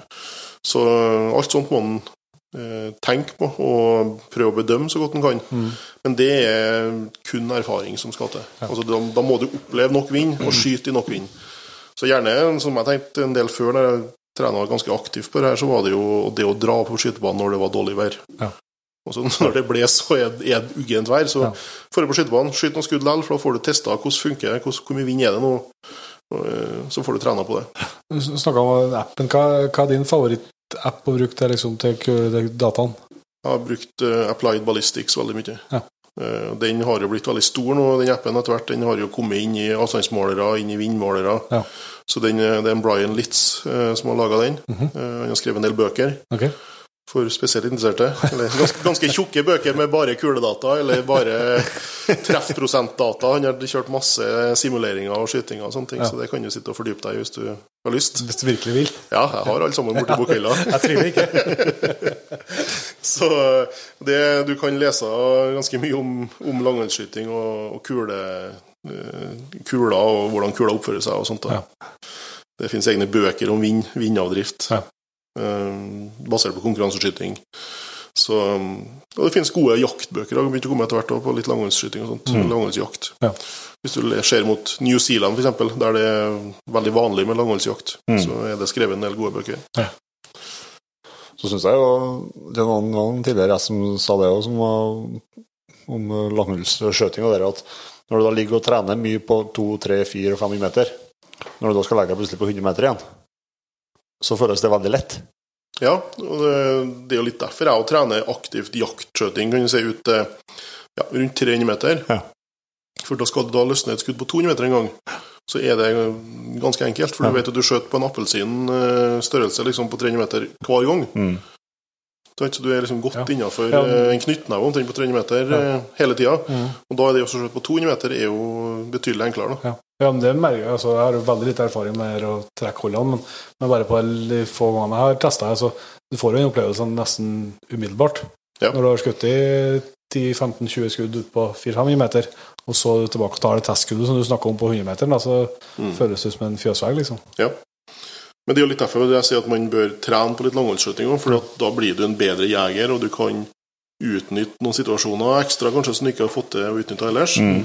F.eks. For eksempel på reinsjakt, hvis den flokken eh, springer litt ekstra, og så stopper den 20 meter lenger bort, eller 50 meter lenger bort enn egentlig hadde tenkt. Vet du at du skjøt kjempegodt på 150 eller 200 meter, så kan du ta det skuddet. Ja. For det Det er det som det handler om. Og så snakka litt om det med langholdsjakt og etikk eh, rundt det. og Ja, det er sånn som kan liksom- skape ja, varme Det skaper jo en debatt. altså Det, det ser man jo når enkelte nå legger ut eh, videoer eller skriver om at de har skutt hjort gjort på så og så lange hold og sånt, så, så vet man jo at det skaper jo alltid en debatt. eh, om det er på Facebook eller om det er et jaktblad. Uh, men da må man kanskje tenke litt på at uh, det er veldig stor forskjell på dem som kommenterer. Mm. De som legger ut, kanskje har skutt veldig mye på lange hold, Mm. har kjempekontroll. De trener på 700-800 meter og skyter på 400 Ja. på jakt. Sant? De vet hvordan våpnene oppfører seg, de vet hvordan kula oppfører seg i dyret på 400 meter eller Mm. 500 meter. De uh, har trent så mye at de vet det der, og det, det er klart, ja, du har en hastighet på kula som gjør at den bruker kanskje et halvt sekund frem til dyret. Hvis det går 900 meter i sekundet, så bruker jeg et halvt sekund frem. Mm. Ja. Men et dyr som går og beiter, som aner fred og ingen fare, og ikke hører noe skudd, ikke hører noen ting, ikke lukter noe, for det er så langt unna, det skal mye til at det dyret skvetter og flytter så mye på seg i løpet av et halvt sekund At det blir at du ikke treffer der du skal. Ja, det er jo kula som kommer først. Kula kommer først. Før lyden. Så da må det i så fall være noe annet som skremmer dyret. Det kan være et annet dyr som Ja, ja. tar løst, eller noe sånt, men da må du jo gjøre den vurderinga akkurat før du trekker av om, om det er trygt å skyte nå. Mm. Og så må man prøve å holde igjen hvis en oppdager at her begynner det å løfte på ørene, eller Ja. skvette. Da. Ja, altså da i samme det, det, da i samme, Det kan jo skje på korte hold òg. Ja, ja. Ja, altså da i samme diskusjon så må du ta, tenke med alle dem som da velger å skjøte på et uh, dyr som beveger seg rimelig fort, i- på 50-60 meter Elg som kommer i trav, sant? han Ja. springer ganske fort. Ja. Men det er veldig mange som skjøter på en elg i trav. Det er helt korrekt. Eh, Selv om det kanskje er bare 50-70 meter, så må du faktisk ja, på elgbanen, og du holder jo framme i skjegget på den, ikke sant? For å treffe der du skal. Ja. Og den ser ikke ut som at den går så veldig fort, den elgen på elgbanen, men den har nå sin hastighet, den òg. Eh, og så er det mye i forhold til etikk og sånn, eller det handler om norsk jaktetikk. Det vi er vant med, er jo at vi skal skyte etter jegerprøveboka. Det skal være en stillestående figur på 100 meter eh, med stor treffsone, og der skal du treffe. Mm. That's it. Mm. Men får man jo til utlandet på jakt og sånne ting, så har man jo ja, Afrika. Ja. Der skjøt du jo stående over noen skytepinner Mm. på 150-200 meter på antiloper og andre ting. Mm. Det er jo helt vanlig, det er det du må for å få til jakt. Ja. For det er åpne terreng og sånt. Eh, klarer ikke du det, så får du ikke mye bytte heller. Nei. Drar du på fjellet, som jeg gjør en del, og jakter i Asia eller i Alpene og sånne ting, så er det jo Der er det 400-500-600 meter. Det, Du, det, du kommer ikke nærmere, for at du ligger på én fjelltopp og skyter på en annen fjelltopp. Du skyter over en dal. Ja.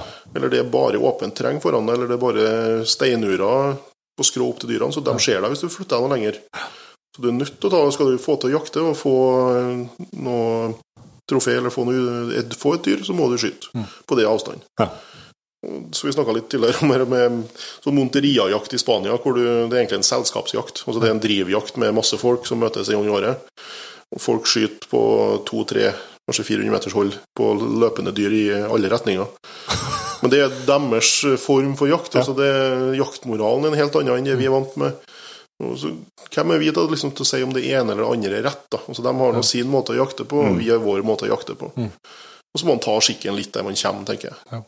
ja, det var også andre greie med Monteriana som er sånn eh, altså at Det er jo voldsomt, i hvert fall noe jeg har sett, det er voldsomt mye hunder, sånn som det er et jævla liv i, i lia den dagen. Det er jo eneste dagen det jaktes i den lia på hele året. da. Det, det er kun noe å jakte én gang i året på, Ja. sånt, eh, på hvert terreng. da. Ja. De har jo flere teiger, men ja. hvert terreng har kun lov til å jaktes én gang i året. Så det er klart at eh, sånn, det er jo ikke sikkert at totalbelastninga på de dyrene som får veldig mye Det er et jævla liv den ene men, men året sett gjennom ett, imot eh, mange terreng så det jaktes eh, Jeg har jo diskutert litt jaktmoral med en del spanjoler, og de mener jo at vi stresser dyrene mer med å slippe en elghund etter elgen hver helg, Ja. eller fem dager i uka. Eller rådyrene som turer og turer og turer. Ja. Mens uh, i Spania så slipper de 400 hunder og 30 kaller opp i fjellsida. Men det er én dag i året, og da er alle dyrene vettskremt. Ja. Den dagen. Og så er de helt uforstyrra resten av året. Ja. Og de fôrer dyrene, de eh, legger ut saltsteiner til dem, de gjør forskjellige ting av tiltak, dem òg. Ja. Så det, det er deres måte å gjøre det på. Ja, ja og sikkert sånn at altså, alle må på en måte få gjøre seg opp sin egen mening om hva man liker og ikke liker, men, men det, er det er uansett en bit derifra liksom, til, å, til å fordømme noen ting. Sant? For Ja. det, det er en helt annen Som du sier, det er jo, kulturen er forskjellig, og det er jo en grunn til. Ja, langholdsjakt, som vi har begynt å snakke om her nå, men før vi sporer litt Ja. av. Men det er jo Altså, jeg syns ikke folk skal være så kritiske til det andre jegere gjør, hvis de, de gjør nok for at de har kontroll. Mm. Selvfølgelig har du dem som prøver seg på å skyte Ja. en hjort på et langt hold og tror det er enkelt. Ja, eller skjøt på en Eller uten at de vet det. Eller, Ja, altså, Kanskje skjøt dem på for langt hold uten at de vet at det er langt òg. Mm. Du feiler med avstand. Tror det er 200, og så er det 250-300. Ja. Det òg har en del å si. Ja. Mm. Men eh, det Nei, jeg tror det er viktig at man eh, tenker mest på, på seg sjøl, og egentlig på det man, man sjøl er kapabel til. da. Yes. Ja. ja, det, er- det er skummelt. Og, det er, Å dømme andre folk på dine evner, Yes. det er veldig skummelt. Altså, det er, tenk på en racerbilfører. da. Det er ingen av oss som har klart å kjøre bil i den farta som de gjør. sant? For vi har ikke treninga. Det har gått dårlig med Voss i 300 km i vei gjennom uh, gatene. Gjennom en by. Ja, det har gått dårlig. sånn, Men de som kjører Formel 1 i Monaco, de gjør jo det. Ja. Sånn, så de kan det, de vet hva de skal gjøre. Kjenner utstyret sitt, kjenner bilen sin. Ja, Ja, det kan jo gå en så kan jo Jo, gå galt for dem òg. Men, men da så er det, er det en helt annen verden. En langholdsjeger som trener jevnlig på lange hold, kjenner utstyret sitt, kjenner ammunisjonen sin. Da går det stort sett greit. Mm. Selvfølgelig kan det være et skadeskudd i ny og ne, men det er det jaggu meg på vanlig jakt òg. Ja. Så, nei, ja, det er helt enig med dere. Det, det er skummelt. eh, Men jeg syns ikke det skal gå sport i å skjøte på lengst mulig hold. Det Nei, det er jo ikke poenget. Så det, det må være en grunn til at man skyter på lange hold, og da må det være fordi at terrenget er sånn at du ikke kommer nærmere. Mm. Eh, eller at dyrene er så sky at du ikke kommer nærmere, eller at det er for å ta ut flest mulig dyr på et område som det er for mye. Ja. Så at det, liksom, det må være en hensikt bak det, syns jeg. Det skal ikke gå en sport i det å skyte på lengst mulig hold. Skal ikke rygge bakover for å få Nei, det har jo vært noen historier om det òg, at folk har trukket seg lenger bak på åkeren for å få passere 800-metersgrensa, eller 1000 km, eller kilometersgrensa, eller sant? Men eh, nei, da syns jeg det blir litt feil. Men eh, å bruke det som et verktøy syns jeg er, er bra. Ja, hvis, hvis en legger ned innsatsen og arbeidet Ja, som kreves. du kan jo bruke det verktøyet, så syns jeg du skal bruke det. Mm. Eller få lov til å bruke det, i hvert fall. Ja. Men eh, for alle dem da som ikke har en, eh, ikke har en uh, langholdsbane i nærheten av seg sjøl, hva, hva trenger man av, av tillatelser eller ut, utstyr og sånn for, for å komme i gang med trening sjøl? I utgangspunktet så kan du vel bedrive skytetrening i utmark eh, med grunneiers tillatelse. Ja. Eh, Enten at du er grunneier sjøl, eller at du snakker med en grunneier og får lov til å trene på et sikkert område. Mm.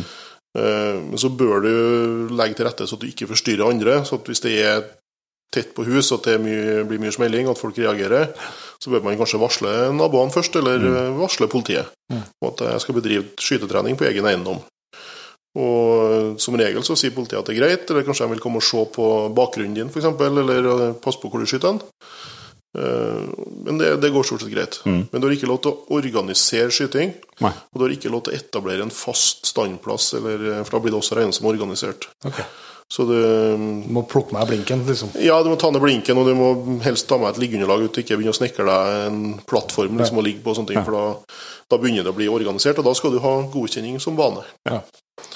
Eh, Men det viktigste er jo kanskje det å ha oversikt nok, for at skal du skjøte på 500-600 meter, så bør ikke det være så mye ukjent terreng mellom deg og målet. da. Ikke mange turstier mellom deg? Nei, turstier eller buskas også, som er uoversiktlig. sant? Så plutselig så står det en elg inni et buskas som kommer fram. Eller... Så, men det finnes jo mange plasser å skyte over myre, eller å skyte fra en fjellknaus til en annen fjellknaus, eller eh, å dra litt opp på høyfjellet og gjøre det. Det er ikke noe problem. Da, da, er det, da er det stålblinker som er Da er det stålplater som brukes. da. Ja. Hardox-plater er det beste, for de er sånn slitestål, så de tåler mye slitasje. slitasje. De er hard. De er harde, det er jo sånn som brukes på brøytskjær og andre ting, men ja. noen panserplater, som noen sier. Men det er jo, ja, Hardox er vel et merke, da, men eh, det får du i ulike grader. Men en sånn Hardox-plate i 10-12 mm tjukkelse, og skåret ut så du får eh, bora eller skåret eh, to hull eh, i hvert sitt hjørne. Så henge opp med enten kjetting, eller det aller beste som vi har funnet ut, er å bruke eh, gummibånd. Altså sånn, eh, vi har fått tak i transportbånd som har vært på sånn steinknuser og annet sånn gummitransportbånd. Ja. Skjær det i striper, og så bruk det til å henge opp med. Ja. For da kan du skjøte ganske mange skudd i den gummireima før den eh, Ryker. ryker. For den kjettingen, den Men treffer du en kjetting, og så treffer ei lenke, så ryker kjettingen. Yes. Så um, det har vi funnet ut er det beste, egentlig. Ja. Og så har vi også brukt en del sånne S-kroker, som vi, så vi tok armeringsjern og bøyd som en S. Og hengt opp med det, rett og slett. Ja. Et armeringsjernet tåler en par treffere før det går av. Så Det spørs litt hvordan du får til å henge opp det. Ja. Men da er jo snekker et enkelt stativ da, med noe, noe totom to som du bare skrur sammen som en bukk, og en tverrbjelke over, og så henger opp noen plater. Ja. Og målene tror jeg kan bli noe så store som du sjøl vil ha dem, da. Men eh, alt fra 10 ganger 10 cm til Jeg bruker veldig mye 30-30-plater. Ja. For det tilsvarer sånn røftlig treffsone på et vilt. På et storvilt. Så en ja. Sånn 30-30-plate syns jeg er fint å trene på. Du bør liksom være på den plata på første skuddet ditt på de avstandene du har tenkt å jakte på. Ja. Eh, Samtidig så sier ikke en bom sier ikke så mye. Men det er mye bedre å ha ei stor plate og så se hvor den traff du på plata. Så 500-600 meter utover så bruker jeg gjerne halvmetersplater. Ja. Og på 1000 meter så bør du opp på en metersplate. Ja. Men da veier plata fort er 75 kilo. fort eh, tung, ja. Så jeg har et par sånne plater i garasjen her, og det, de er rundt 75 kilo. Så de er litt å kjøre ut og henge opp. Men uh, da har du en god treffindikator. Og da kan du skyte deg inn på en sånn plate, for da vet du at du treffer den plata. Er de, eh, maler de helst hvit, eller? Jeg sprayer dem stort sett hvit, ja. Ja, da ser, da ser du traffen. Kjøper sånn merkespray på Biltema, og så sprayer dem hvit. Og kanskje en rød sikteflekk midt i. Så Hva du tenker du som eh, eh, har mye erfaring både fra langholds skjøting og, og, langholdsjakt, med liksom å ha eh, kikkerter med tårn og, og sånt, kontra så f.eks. Swarovski DS og, så, eh, og andre som, som måtte ha elektronikk som, som løser mye av det direkte for deg i kikkerten? ja, det kommer jo mer og mer kikkerter nå, ser jeg, som har elektroniske løsninger. Mm. Jeg har testa Swarovski DS en del, eh, og det er en veldig god kikkert å skyte med. Eh, Men jeg, det er jo liksom det å få til å stole på utstyret. da. Ja. Eh, Når jeg skrur sjøl på en mekanisk kikkert, så er det en tabell jeg følger, og jeg føler liksom at jeg har litt mer kontroll på det som foregår Ja. når jeg skrur sjøl. Kontra at du legger inn en app og så synkroniserer med DS-en din, eller kikkerten din, og så trykker du på avstandsmåling, og så får du en løsning på så mye skal du holde opp. Ja. Eh, Det er jo en del faktorer som den må kalkulere. Temperatur og eh, forskjellige sånne ting. Jeg tenker Hvis den har vært ligget i en varm bil, for eksempel, og det kommer ut der det er kaldt, hvor raskt omstiller den seg? Eh, Så det er litt sånne ting. Jeg har ikke egentlig skutt nok med den ennå til å ha erfaringer med den, for at jeg stoler ikke helt på den ennå. Men det er bare en personlig sak. Jeg vet Mange bruker den, og jeg har brukt den på jakt i utlandet og har fått lånt en blazer med en DS på. Og, og veldig fornøyd med den. Men eh, jeg må trene litt mer med min, føler jeg, før jeg stoler på noe vil ha med meg på f.eks. Ibex-jakt, hvor første skudd er det eneste som betyr noe. Du har ett skudd på den turen, og det, det bør du treffe. Ja. Jeg ser, det er noe med det, det er litt som vi snakket om bilder, sånn at det er fysiske følelser av at Ja, og i forhold til reising, sant? han har ligget i en flykoffert og blitt slengt rundt. Og liksom, kanskje må du skyte den inn på en annen høyde enn du er på skytebanen din hjem. Ja. Eh, Det kan man bruke tabeller og klikke seg frem til på en vanlig kikkert, mens en DS bør synkes på nytt. Mm. Så, nei, jeg tror det er veldig godt verktøy, men den må trenes litt mer med å ja. få nok eh, erfaringsgrunnlag til at du stoler 100% på den. Ja. Ja, så sannsynligvis vil utviklinga der bare fortsette, den, da. Så det, det blir vel eh, kommer nok mer og mer sånne kikkerter, og prisene går nok ned etter hvert. da. Er det, er det kun Swarovski som har kommet med til noen, eller er det flere? Steiner har i hvert fall en. Så hadde jo Bushnell hadde en tidlig variant. som Bushnell hadde en tidlig variant uh, med avstandsmåler, Ja. en sånn yardage, kan jeg ikke for noe. Ja. Eh, og Den hadde avstandsmåler, og det kom en rød prikk i retiklet, så den er egentlig samme konseptet som Swarovski sin. Men den tok ikke hensyn til så mye annet enn avstand, tror jeg. Nei.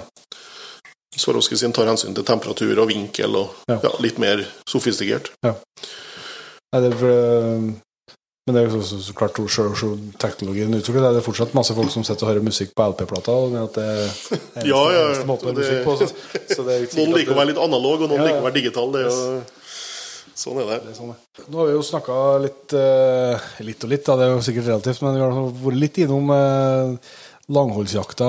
Men hvis vi skal ta over til noe helt annet, Jørgen, så har du jo driver du med jakt på Det må være korte hold og, og litt annen framdrift eh, under vann. Undervannsjakt. Ja, undervannsjakt må kunne defineres som kortholdsjakt. Ja. Skuddavstand stort sett er maks fire meter. Hvordan eh, kom du på at du skulle begynne med det? Nei, jeg starta først med apparatdykking, altså flaskedykking, Ja. eh, når jeg var en sånn 14-15 år. Tok et kurs i Syden, på Gran Canaria, tror jeg det var. Ja. Og så ble jeg med i en lokal klubb på Steinkjer, Steinkjer Sportsdykkere. Ja. Eh, var aktiv der i noen år som apparatdykker. Og så tok jeg fridykkerinstruktørkurs. Og holdt på med utdanning av barn og unge på Steinkjer i en del år okay. for klubben. Og så holdt fridykkerkurs for dem. Ja. Men det var mer sånn Da var fridykkinga i sin spede begynnelse, egentlig, i forhold til populariteten i dag. Ja. Eh, Det her er jo da ja, nesten 20 år siden. Og da var eh, fridykking eh, mest det vi kaller snorkling. Altså du lå i overflata og kikka ned og dykka litt etter noen kamskjell og litt sånt, men mest for å se på livet i fjærene. Mm. Men så flytta jeg til Trondheim, og så etter hvert så begynte jeg å få litt interessen for eh, fridykkinga igjen. Den har ligget på hylla noen år. Men eh, siste ja, det er kanskje seks år siden, så begynte jeg å ta litt tak i det igjen, og dro i gang med undervannsjakt i tillegg til fridykkinga. Det vil si at du da med våtdrakt og snorkel og svømmeføtter og sånt dykker ned og jakter fisk. Ja. Eh, kan plukke skjell og krabber og sånne ting, men det er i hovedsak jakt av gårde på det å skyte fisk under vann med harpun. Og det er Facebook, da, som er liksom åpne forum, eh, diskuterer eh, og ja, traff en del veldig hyggelige mennesker som jeg ble invitert med på jakt i Kristiansund og andre plasser. Og fikk veldig god opplæring der. Ja. Og så ble jeg jo med i Trondheim fridykkerklubb etter hvert. da. Ja. Så, og da har jeg nå vært aktiv som undervannsjeger nå i fem-seks år, og vært med litt på konkurranser og sånt som vi kan snakke litt om etterpå. Ja. Men jeg kom jo med på landslaget, da. Jeg har vært med på eh, nordisk mesterskap en eh, par ganger, og EM. Så hvis du finner snever nok idrettsgren, så kjenner du på landslaget.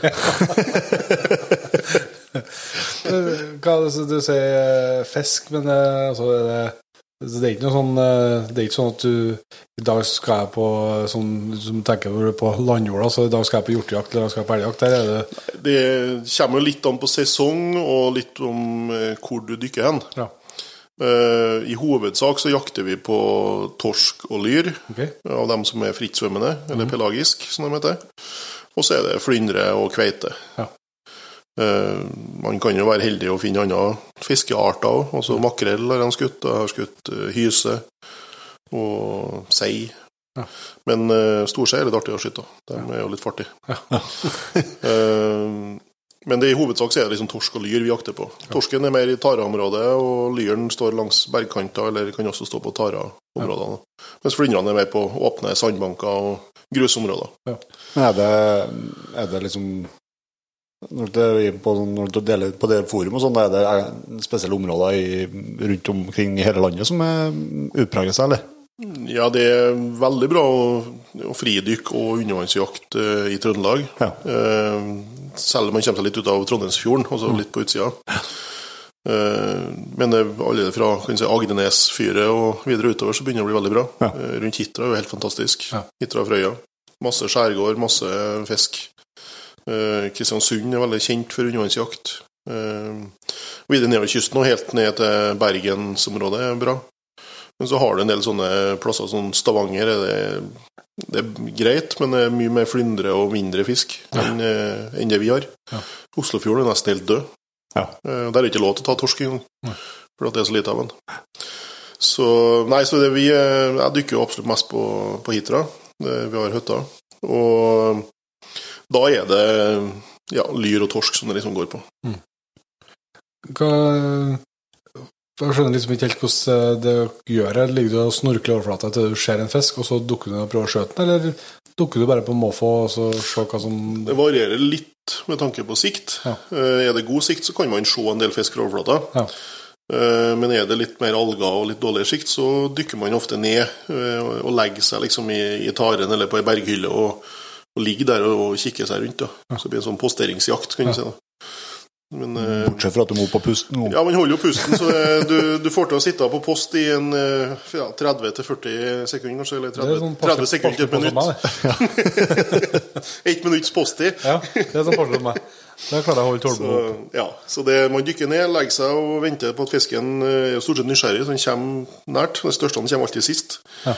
Så det lønner seg å prøve å ligge lenge. Mm. Eh, og det gjør man med teknikk og trening, så får man til å holde pusten lenger og lenger. Mm. Og da mm, skyter man med en harpun da, på den fisken som kommer svømmende forbi. Ja. Så Det er sånn jeg jakter torsk og lyr og andre sånn frittsvømmende fisker. Flyndre og kveite, der dykker man jo mer ned mot sandbunnen og enten svømmer eller driver med strømmen. da, Så man dekker et større område. Ja. For de er mye verre å se. De, de ligger gjerne på måten båten. ligger, Flyndrene særlig ligger jo litt nedi sand, sandlaget, skal jeg si, har gravd seg litt ned ofte. Ja. Så der må det litt nært for å se konturene. Kveita kan du se fra overflata. Fleste kveitene jeg har skutt, har jeg bare ligget i overflata, drevet med strømmen. Og sett dem på ja, mellom 6 til 10-12 meter. Så da er det på sånn sommer, sensommeren, tidlig høsten, så går kveita inn på grunna. Og da kan du på riktige områder finne opptil flere kveiter mens du drifter sånn. da. Er det forskjell på hvor, hvor, eh, hvor godt synlig det, det vannet fra, fra mars-april til Ja, det er stor forskjell på det vi kaller sikt i vannet. Og, og sikten varierer fra når det er ordentlig algeoppblomstring på vårparten, og det er når sjøen er grønn, Ja. eh, og du ser at den er grønn, da er det ofte kanskje bare en meters sikt. Og da er det ikke noe vits å jakte, for da ser ikke du noen ting, men fisken merker at du er der. Ja. Han har det sideorganet som gjør at han kjenner vibrasjoner og trykk i vannet. Ja. Så utover våren, eh, hvis en tenker på året der og gjennom kalenderåret, så er det veldig bra sikt eh, på vinteren. Ja. Når det er kaldt og lite alger. Så kommer man til en sånn algeoppblomstring typisk rundt påsketiden. Eh, våren er begynner litt varme i sjøen. Mens nå har det begynt å på en måte grodd fra seg en del. Ja, så det Eh, ja, og så har det kommet mer plankton og dyreplankton som, gjør, som spiser algene. Ja. Som gjør at de har egentlig spist ned en del av det grønne i sjøen. Da. Eh, og da kommer det jo mer småfisk, og så kommer det større fisk og spiser småfisken. Ja. Så nå utover sommeren er veldig bra å jakte. Ja. Fra, juni, eller fra juli vil jeg si kanskje til ut september-oktober. Hvis man har lyst til å prøve seg på her, da er det altså nå på sommeren når det er varmt, så kan du utgangspunktet klare deg bare med ei dukkemask og en harpun. da. Kan jo det. Eh, kanskje ikke i Trøndelag, men, eh, men for skal du holde på litt og være noen timer i sjøen, Ja. så, så bør man ha en drakt. Men man får jo drakt i forskjellige kvaliteter og forskjellige tjukkelser og sånt. Ja. Eh, Men det er et minimum av utstyr du trenger, egentlig. Det er jo det som er fint med fridykking kontra flaskedykking. Ja. Mye mindre utstyr, mye lettere utstyr. Så det er en våtdrakt med hansker og sokker, og et blybelte. Det med, med rett mengde bly. med rett mengde bly. Det er litt viktig å være eh, avbalansert eller riktig avveid. Så at man, eh, når man står i vannet rett opp og ned, så bør haka være over vann. Ok. Da er man liksom riktig. Du skal, du skal flyte over flata. Ja. Og da må du bruke litt teknikk for å komme deg ned de første tre-fire meterne, men så begynner det å synke da, når drakten blir litt komprimert. Ja, sånn, ja. Så veier blir jo riktig. Eh, man sier kanskje en kilo per ti kilo kroppsvekt kan være en sånn tommelfingerregel for å begynne. Ja. Så er man 100 kilo, så er det 10 kilo blid. Ja. Det kan man prøve, i hvert fall, og så er man ikke så langt unna. Eh, Og Grunnen til at man bruker bly, er for at våtdrakten har mye oppdrift, så for å helt tatt klare å komme ned litt, så må du ha noe bly på. Ja. Ellers så blir det bare som en dupp. Når du, du kommer deg en par meter ned, og så spretter du opp igjen. Mm. Eh, Nei, men det er våtdrakt, hansker og sokker og et blybelte, og så er det svømmeføtter, maske og snorkel. Ja. Så det er liksom grunnutrustninga. Eh, Så anbefaler jeg jo alltid å ha med seg ei bøye og ei line. Ja. Det er for å markere hvor du er. Eh, Og da at man bruker ei blåse og et tau, det kan man gjøre, eller så kan man jo få kjøpt sånne fridykkerblåser med liner og sånt. da. Så du bare knyter fast i beltet, liksom? Ja, feste i beltet, så at eh, om du får behov for å slippe blybeltet for at du får noe trøbbel med et eller annet, så kan du droppe blybeltet ditt, og så henge det i den blåsa, Ja. eller i den bøya. Ja. Så kan du dra det opp igjen uten at det er noe problem. Ja. Eller om det skulle skje noen ting med deg, så er du i, den, eh, i det tauet knytta til blåsa. Ja. Og du kan jo legge deg på den blåsa eller bøya og hvile deg litt, eller Ja. Så i konkurransesammenheng så bruker vi jo litt større eh, bøyer, da, som gjør at man kan ha med seg litt mat og drikke ut, faktisk, og ha litt plass oppå dem, som er en liten flåte. Ja. Og du kan bruke dem til å svømme at du legger deg oppå dem og får hvile deg litt når du løfter litt av kroppen ut av vannet. Så er det noen lover og regler eller sertifiseringer eller noe du må Det er ikke noe, tenke på? det er ikke noe krav til sertifisering, det er det ikke. Eh, Så fridykkeutstyr kan hvem som helst kjøpe seg. Eh, Anbefaler alltid at man tar et fridykkerkurs Ja. i en klubb. Det er et kort og enkelt kurs. eh, Litt teori og litt praksis i basseng. Og da får man veldig mye mer utbytte av dykkinga. Da lærer jeg riktig teknikk for å trykke ut trykkutligne, så du slipper å få vondt i ørene eller i bihulene. Du lærer deg å dykke riktig, komme deg raskest mulig ned under vann for å bli negativ. uh, uten at du bruker for mye energi. Ja. Og man lærer litt om eh, lover og regler, som vi snakka om, og det er jo da det er 18-årsgrense på harpun. Okay. Så det blir som å kjøpe et luftgevær. Ja. Du må være 18, og det må Ellers må du ha noe samtykke av foreldre. Så hvis det er under, er opp til 16, tror jeg. Eller fra 16 og opp. Du Det er ikke lov til å jakte i ferskvann. Nei. Nei, du kan ha, hvis du har grunneiers tillatelse, så kan du jakte gjedde. Det er vel noen sånn eh, regel på. Ja. Men eh, vanlig ørret og sånt er ikke lov. Hvorfor eh, har du noe peiling på det? Nei, det vet ikke jeg. Det er histori historiske årsaker til Ja. det. Tilfeldigheter? Samme som i Sverige, så er det ikke lov til å undervannsjakte i hele tatt. For der eh, heter det seg at man har ikke lov til å ta fisk med spyd. Nei. Eller en spiss gjenstand. Og da ble undervannsjakt uh, fanga av den regelen. Så det er but, butte kroker? Ja. ja, det er jo en fiskekrok er jo en spiss gjenstand, det òg. Jeg. Nei, så det er harpun er 18-årsgrense på, ikke jakte i ferskvann. Og så i sjøen så har du ikke lov til å skjøte uh, anadrom fisk, altså sjøørret og laks. Nei. Eller blankfisk. Og plukk hummer er heller ikke tillatt. Nei. Så det er noen regler. Jo. Men uh, det er veldig, veldig lite begrensninger. Man kan dykke hvor du vil. Det, Jeg tror ikke å tenke på grunneieren heller. nei, det er kanskje bare i forhold til hvor du parkerer hen, og hvor Ja. Mm. du går ut uh, fra stranda. Men allemannsretten gjelder jo i forhold til at du har lov til å gå ut fra fjærene hvor som helst. Ja. Uh, med mindre at det er noe sånn oppdrettsområde eller privat område. Eh, man skal holde seg unna oppdrettsanlegg og sånt, men det gjelder jo både båter og bading og alt. Eh, så du kan eh, ta med fridykkerutstyret ditt, gå over en, eh, en øy og gå i sjøen hvor du vil hen. Det er mange ja. som gjør det. Men tenk på hvor man parkerer hen, at man ikke er til hinder for andre folk. Ellers er det å følge minstemålet som, sånn, som fritidsfisker. Altså, vi har noen minstemål på, på torsk og kveite og forskjellig sånt. Som uh, står i den fritidsfiskeappen som er veldig kjekk å laste ned.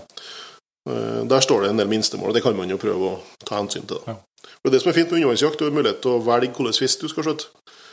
Du velger Ja, ja, jo om du vil ja. skyte på den lyren eller den lyren, eller ja. Nei, den var for liten, og venter til en større en kommer. Sitter du og pelker, så får du nå det du får. Ja.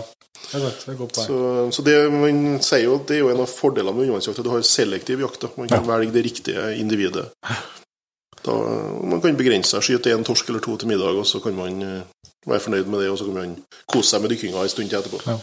Hvordan er det med harpunene? Er det liksom Kan du slå til med en harpun-type blazer? eh, 100 000, liksom? Det liksom? fins karbonharpuner, ja. Gjør det? Nei, harpuner finnes i alle slags prisklasser, akkurat som våpen.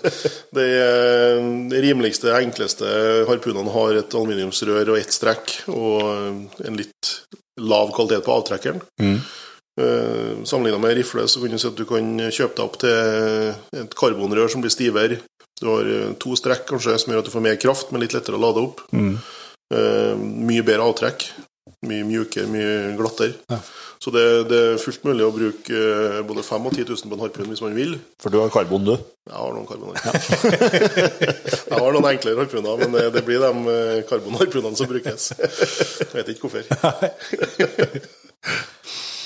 Men eh, nei da, det fins enkle fritidsharpuner, eller hobbyharpuner, for å si det sånn. Og det fins mer konkurranseretta eller eh, ja, proffharpuner som er mer for dem som jakter mye. Ja. Ja.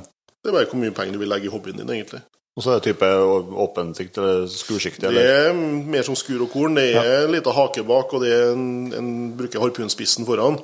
Men det er mest pek og skyt. Ja. Så det blir sånn instinkt eh, etter hvert at du eh, lærer deg hvordan du skal rette pila og peke med spissen på pila på fisken, og, og trekke av. Så Men da er det sånn du har på med kveitene, altså den kan jo Du så noen bilder av er ganske ruslig kveite her. Ja, kveitene er litt spesielle i Norge fordi at de er såpass sterke. Ja. Det er jo det vi har av storviltfisk. Eller ja. Så um, kveitejakt krever litt eh, justering av utstyret, litt spesielt utstyr. Og da kjører vi gjerne line fra blåsa og rett i harpunen, som ikke vi er kobla til. Rett og slett i pila? Ja, Ja. så det blir, du dykker ned og så skyter kveita, som de gjorde med hvalen før i tida, og, og har ei line med opp til ei blåse. For å skjøte ei stor kveite, så vil den svømme av gårde. Ja. Den største jeg har skutt, på rundt 55 kilo, den dro eh, meg av gårde en par hundre meter. Da lå jeg oppe i vannflata og bare holdt i blåsa, og bare vart med bortover. Det var bare å ligge som en og skvatt bare i vannflata, egentlig. Så, og så var det når den stoppa, da, så var det å dykke ned med en ny harpun. og skyte et skudd til. Ja.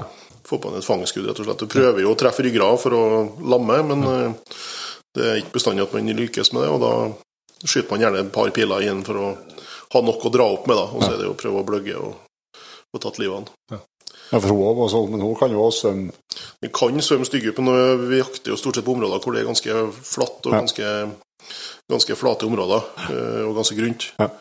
For at hvis kveita velger å stikke på dypet, så drar hun med seg blåsa ned, og det skal litt til at den kommer opp igjen. Ja. Pila vil jeg tro kanskje river seg ut, eller Ja. Og Det er så mye kraft i ei kveite som svømmer at hun bøyer en sånn stålpil. da. Den, eh, når den svømte av gårde med min pil, så det er 7 mm rustfri stålpil Fy faen. i Sandvikstål, og det, den var bøyd som en U når den kom opp. Så Bare av vannmotstand, egentlig. Pluss at jeg hang i tauet, da. Men, eh, det er kraft i alle de kveitene. Ja, det er det. Hvordan, er det, det, er samme reglene, du kan jo drive sånn med flaskedykkinga. Ja, Du skjøt og holdt på som undervannsjakt med det, liksom, men du kan det, og de kaller det jo undervannsjakt eh, med flaskedykkinga. Eh, Men da kanskje mer i form av eh, sanking. Ja. Altså, jeg vet ikke at en fridykker jakter, mens en flaskedykker han sanker. For det går mest på kamskjell og krabber og Ja. Sånn bunnlevende dyr. Eh, En flaskedykker han er ikke så smidig under vann. Han er mye, beveger seg mye tregere, og han bråker mye mer. Så vil alle luftboblene en flaskedykker slipper ut, skremmer stort sett bort eh, sånn pelagisk fisk som torsk og lyr da, og sei. Men eh, det å bruke ei slynge for eksempel, er jo veldig fint egnet til flaskedykking. hva er slynge? Det vil si at du har ei stålstang eller ei stang da, med en gaffel eller tre eller fire pigger sånn, i ja. mm. med en sånn gummistrekk på som du kan stramme opp, så du kan skyte den, skyte en liten meter, kan du si, da, eller stappe ned i fisken. da. Så ei sånn slynge den eh, kan du bruke som flaskedykker, og ta flyndre og steinbit, breiflabb, har jeg tatt som flaskedykker. Eh, Kan jo prøve deg på ei kveite òg. Og du, du kan jo godt ha med en harpun, Ja. men det er litt mer med det. altså det, Som flaskedykker så er du ikke opp, på en måte, og det er ikke så lett å lade under vann og litt sånt. da. Så Hvor dypt eh, liksom, syns du er komfortabelt å dykke når du holder på med det som fridykker? Hvor, liksom, hvor, hvor, hvor dypt kommer du? Mm, Nei, jeg kommer ganske dypt, da, men uh, det er sjelden behov for å gå noe mer enn uh, mellom 8 og 12 meter når du jakter i områdene her i Trøndelag og Kristiansund. og sånt. Ja. Så er mest liv rundt 8 til 12 meter. Ja. Ja. Mest småfisk, mest eh, farger og tang og tare, og liksom lyset går ned dit. Ja. Kommer man på 14 14-15 meter og ned til 20, så er det mye mørkere. Ja. Det kan selvfølgelig gå stor fisk nedpå der òg. Men uh, den er, du får ikke så lang bunntid, så du får ikke til å jakte så lenge. Uh, og du får ikke så mye fisk, syns ikke jeg, som Nei. du gjør i de litt grunnere områdene. Nei.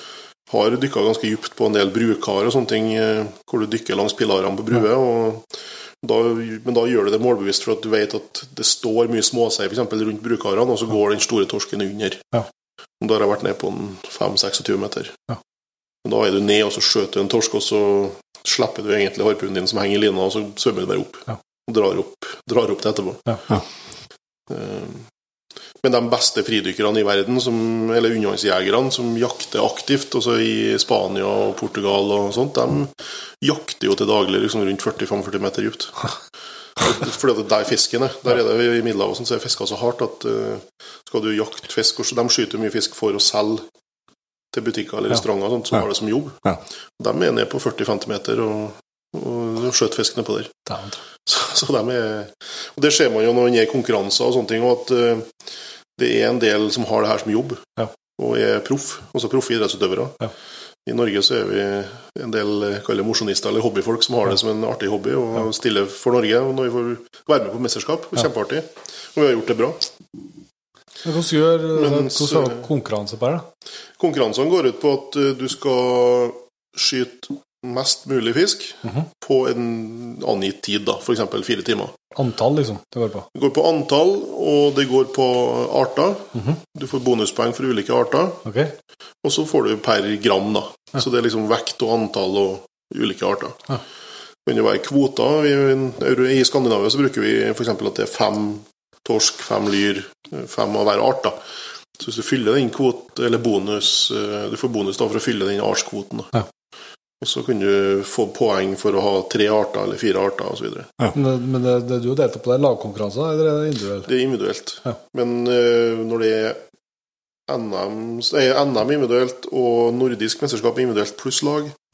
Og så EM og VM er også individuelt pluss lag. da. Ja. Så man får en individuell ranking, men så er jo laget som i tillegg blir ranka. da. Ja. Så, så det er begge deler. Men eh, primært så er det en individuell konkurranse. Og det vi har i Norge med en sånn Norgescup som går gjennom sommeren, og til høsten så er det individuelle konkurranser. Ja. Og da er vi fire timer i sjøen stort sett. Ja. Så, Ganske, ganske sliten når du kommer opp etter en sånn firetimersøkt, eller? du har svømt noen kilometer og, og er ganske sliten, ja. Ja. Det er ofte at vi svømmer mellom 6 og 10-12 kilometer. Ja. Du skal flytte deg fra holme til holme eller område til område som du har på en måte kartlagt på forhånd. Ja. Konkurranseområdet er avgrensa med en ytre eh, begrensning. Ja. Og så sier de at innenfor her så skal alle sammen jakte. Ja. Og da må en se på flyfoto og dybdekart og eh, sjøkart og sånne ting. Prøve å en, legge en plan. Ja. Og gjerne så drar man ut i konkurranseområdet noen dager før konkurransen og testdykker. Ja. Da er det ikke lov å ha med seg harpun eh, eller drive jakt. Da er det kun rekognosering Ja. for å sjekke forholdene. Dykke på grunnene man trodde eh, var bra ut fra kartet, sjekke om er det liv der. Hvis det er bra med liv der, så er ok, da sjekker man av den plassen, så går man til neste. Så, sånn trener man å på en måte rekognosere og, og sjekke området før konkurranser. Og der ser man jo I store mesterskap så betyr det veldig mye, det å vinne. Det har med sponsorer å gjøre, og det har med, sikkert med lønnsavtaler og alt å gjøre for dem som har det her som jobb. Ja. Og Sist det var EM i Danmark som jeg var med, så var det vel Portugal som har vært der én måned og trena før konkurransen begynte. Vi nordmenn kom ned fire dager før. For det var det vi hadde tid til å ta ut av ferie. Og konkurransen er jo da to-tre dager, og så skal du være der og dykke en tre-fire dager før. Da Leie båt og bil og sånt, så vi gjorde det. Men de har vært der én måned og trena. Ja. Jeg visste eh, akkurat hvor all torsken var. De visste at under den steinen så ligger en torsk, under den steinen så ligger en torsk. Ja. Så det var stålkontroll. Ja. Hva, føler du at du har eh, Kanskje litt så flåsete spørsmål, men eh, føler du at du får noe eh, At du har fått igjen for liksom kompetansen og erfaringene dine som jeger over vann, når du har begynt liksom å tatt den her eh, som er en litt nyere interesse med å jakte under vann? Ja, Du kan jo sammenligne litt, i hvert fall. Eh, Det er jo, fisken er jo et byttedyr som du skal jakte på, og han ser jo på deg som en predator eller en trussel. Ja. Så det er en del av det samme. Du må bevege deg stille og rolig mm. for å prøve å unngå å skremme fisken. Det vil si når vi dykker ned, så dykker vi så stilt som mulig uten å plaske i overflata. Eh, Vi prøver å unngå å dunke harpunen i bunnen, f.eks., eller dunke svømmeføttene i bunnen for å ikke bråke. da. Så man dykker jo rolig ned, legger seg i taren og kamuflerer seg og gjemmer seg litt. Og ligger og venter på at fisken kommer. Og Lyren er sånn sky at han Hvis du ser på lyren, så vil den ikke komme. Men hvis du kikker til sides eller kikker ned, så kan den gjerne komme og snike seg innpå deg. på en måte, og Ja, Så må du opp og lurkikke litt, og så se om den har kommet nært nok til å skyte. Hvis ikke, så må du bare se ned igjen og holde pusten i fem sekunder til, kanskje. Og så se da, plutselig er den innenfor skuddhold. da. Og skuddhold her er jo fra to-tre meter, eller kanskje ut til fire meter med kraftigste harpunene. Så det er ikke lenger uansett. Nei, det så da tenker jeg at du strekker jo harpunen en meter fram, cirka, eller den er jo rundt en meter de jeg bruker. Ja. Så det er handa di pluss en meter, og så har du liksom Du skyter pila rundt tre meter, da. Ja. Så det er kanskje maks fem meters hold, da. Så det, og sjøl da så begynner pila å dale ganske fort da, ikke sant, i forhold til vannmotstand. Så skjøter på maks hold, så må du holde en del over. Ja. Så det er litt langholdsskjøting der òg. Holde litt. Dårlig, dårlig BC. Veldig dårlig BC på en harpunpil. Men, eh, men det, det vil jo si at det, det er forholdsvis eh, Det er ikke noe økonomisk krevende for å komme i gang med det, da. Nei. eh, Det er jo flere butikker som selger fridykkerutstyr og innenvannsjaktutstyr og sånne ting. og Frivannsliv er jo en av de største i Norge. og dem jeg har samarbeida mest med og har mest kontakt med. at jeg kjenner dem godt. Men de selger, de selger ferdige de selger sånne pakker. ferdige pakker, for eksempel, og det tror jeg koster en 3000-5000 kroner for eh, en startpakke på rundt 4000 kroner, kanskje. Og så kan du kjøpe deg en harpun og litt utstyr etter hvert. Ja. Men der også, de har jo pakker fra, fra 3000 til 15 000, så det spørs bare hvor du vil legge lista hen. Ja. Men du kommer i gang på en veldig rimelig måte. Ja, ja, for man må jo, må jo komme i gang og kjenne om det når man Du må begynne å dykke litt og snorkle litt, som jeg sier først, og så kjenne mer igjen. For det, Ja, så- før du kjøper en harpun og alt annet Og utstyr. dykkerklubber finnes det jo veldig mange rundt om i landet. dykkerklubber. Her i Trondheim så har vi jo Trondheim Fridykkere, som i tillegg leier ut utstyr til sine medlemmer. Eh, Barn og ungdom får å låne utstyr eh, gratis for å teste. Og så de vokser ut av draktene fort, ikke sant? så da får de låne seg en drakt istedenfor å kjøpe. Ja. Så det er en sånn utstyrspool som eh, brukes, da. Og etterpå Steinkjer og så har du jo Steinkjer sportsdykkere er jo blitt veldig aktive på undervannsjaktsida. Ja. Og ja, det er Kristiansund er aktiv, og Flatanger og Frøya. Det er mange klubber som er aktive rundt omkring. Og De har gjerne basseng i tillegg, så man kan ha trening på vinterhalvåret. Da får man jo trene dykking og det å holde pusten og sånt, og holde det litt ved like. For det, akkurat det å holde pusten er litt sånn ferskvare. Ja. Hvis det er lenge mellom at du dykker, så mister du litt bunntid, og så tar det noen dager med litt dykking igjen før du liksom kommer tilbake på topp. da. Er det, du, du må være i vann for eller? Nei, du kan godt ligge på sofaen og trene eh, trene på- trene hold- Trene det å holde pusten. trene på holdbussen. Ja. Ja, da, da finnes det sånne tabeller eller apper på telefonen. da. Ja. Legger du inn maks eh, tida du klarer å holde pusten, og så lager den en sånn treningstabell til, rett og slett. Ja. Holder pusten i intervaller. da, så at du for holder pusten i et minutt og puster 30 sekunder, og holder et minutt og puster 30 sekunder igjen. og sånt. Så da kan du holde det ved like til en viss grad. i hvert fall. Det beste selvfølgelig er å komme seg i sjøen. for at det å ligge på sofaen er én ting, eller det å ligge i bassenget med bare dykkermaske og badebukse er én ting, men når du har på deg drakt og bly og harpun, så blir det Du bruker mer energi, Ja. og du får kortere dykketid. Men det, det går an å holde, å holde på på vinteren da, hvis du har da kanskje må ha en, eh, en drakt som tillater at det er kaldere temperaturer. Men Ja, det, Den mest vanlige drakten i Norge er en sånn 7 mm drakt. Og den brukes eh, egentlig hele året. Ja. Eh, jeg syns det blir litt varm midt på sommeren, men eh, den funker hele året. Ja. Og den har jeg brukt på vinteren. Og vi har en sånn kompiskonkurranse som vi kaller Winter Challenge ja. i Kristiansund. Den er i januar-februar hvert år. Ja. Og da er det 4,5 grader i vannet. Fire grader i vannet. Og da dykker vi i tre timer. Ja. Det går helt fint. Noen blir kald på fingrene, og litt sånt, men det er jo litt individuelt hvor mye, jo, hvor hvor mye du tåler, og hvor godt polstra du er. Eh, Så jeg syns det går helt fint med tre timer i sjøen på vinteren nå, med en sånn drakt. Eh, På sommeren så går jeg gjerne ned til en 5 mm eller kanskje 3 mm drakt. Ja. Det, det mye som taler for at dette er en god idé. Altså både sånn at du har stor tilgang, lett å få tilgang, ikke så kostbart å komme i gang, altså, og at du kan jo drive med det her på ei tid som ikke konkurrerer med den jakta over vann. Ja, det er det som jeg syns er så fint, at det komplementerer eh, landjakta veldig godt. da. Ja. Fordi at eh, undervannsjakta er kjempefin på, eh, fra påske og frem til jakta starter til høsten, liksom. Ja. Og du får noe, Hvis du vil, så kan du jo svømme og røre deg så mye du vil. Og du Det er får jo litt trening. da. jævlig god trening å være. Ja. Ja. Så Man kan kjøpe bassengtrening på vinteren, og du kan spille undervannsrugby, som en del dykkerklubber gjør. Altså Spille rugby under vann, kaste ball under vann. Ja. Så det er jo kjempegod trening både for kondisjon og alt. Ja. Så det, det komplementerer oss er jo litt, litt samme som vi snakka om, at det, det gir litt den samme følelsen. Det er også endelig lykkes å skyte en stor torsk. Du jakter på en sånn troféfisk, f.eks., Ja. eller kveite, som er veldig drømmen for mange. da. Ja. Det å skyte kveite. Det, det er en stor, majestetisk fisk, og det, det er god mat. Ja, ikke minst. det jo særlig at man, alt vi jakter på, er jo for å spise. Altså, vi, vi, det er blitt veldig sånn innad i fridykkermiljøet at det skal være bærekraftig. det skal være, Du skal spise det du fanger, du skal ikke plukke to stamper med kamskjell hvis du skal selge det. liksom, sant? Det blir litt feil holdning. Ja, ja. Man skal plukke en bærepose med kamskjell og ha til seg sjøl og sine venner, kanskje. eller ja, Så at eh, det er litt bærekraft over det hele. også. Da, da er det veldig spiselig for alle eh, at man driver med det. Problemet med dette er bare at vi har bosatt oss i svenskegrensa. Det, og ikke få lov til å, ikke få lov til å jakte i, i friskvann, da, altså.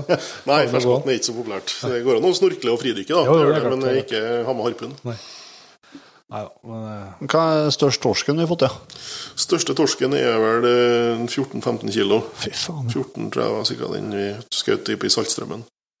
Så da drev vi med fridykking i saltstrømmen Dæven, Det er jo noe normalt man bare gjør med flasker. Ja. I, mange syns det er vanskelig, men uh, fridykking der er helt fantastisk. Når det er god sikt, så er det mengder med både stor og små sei.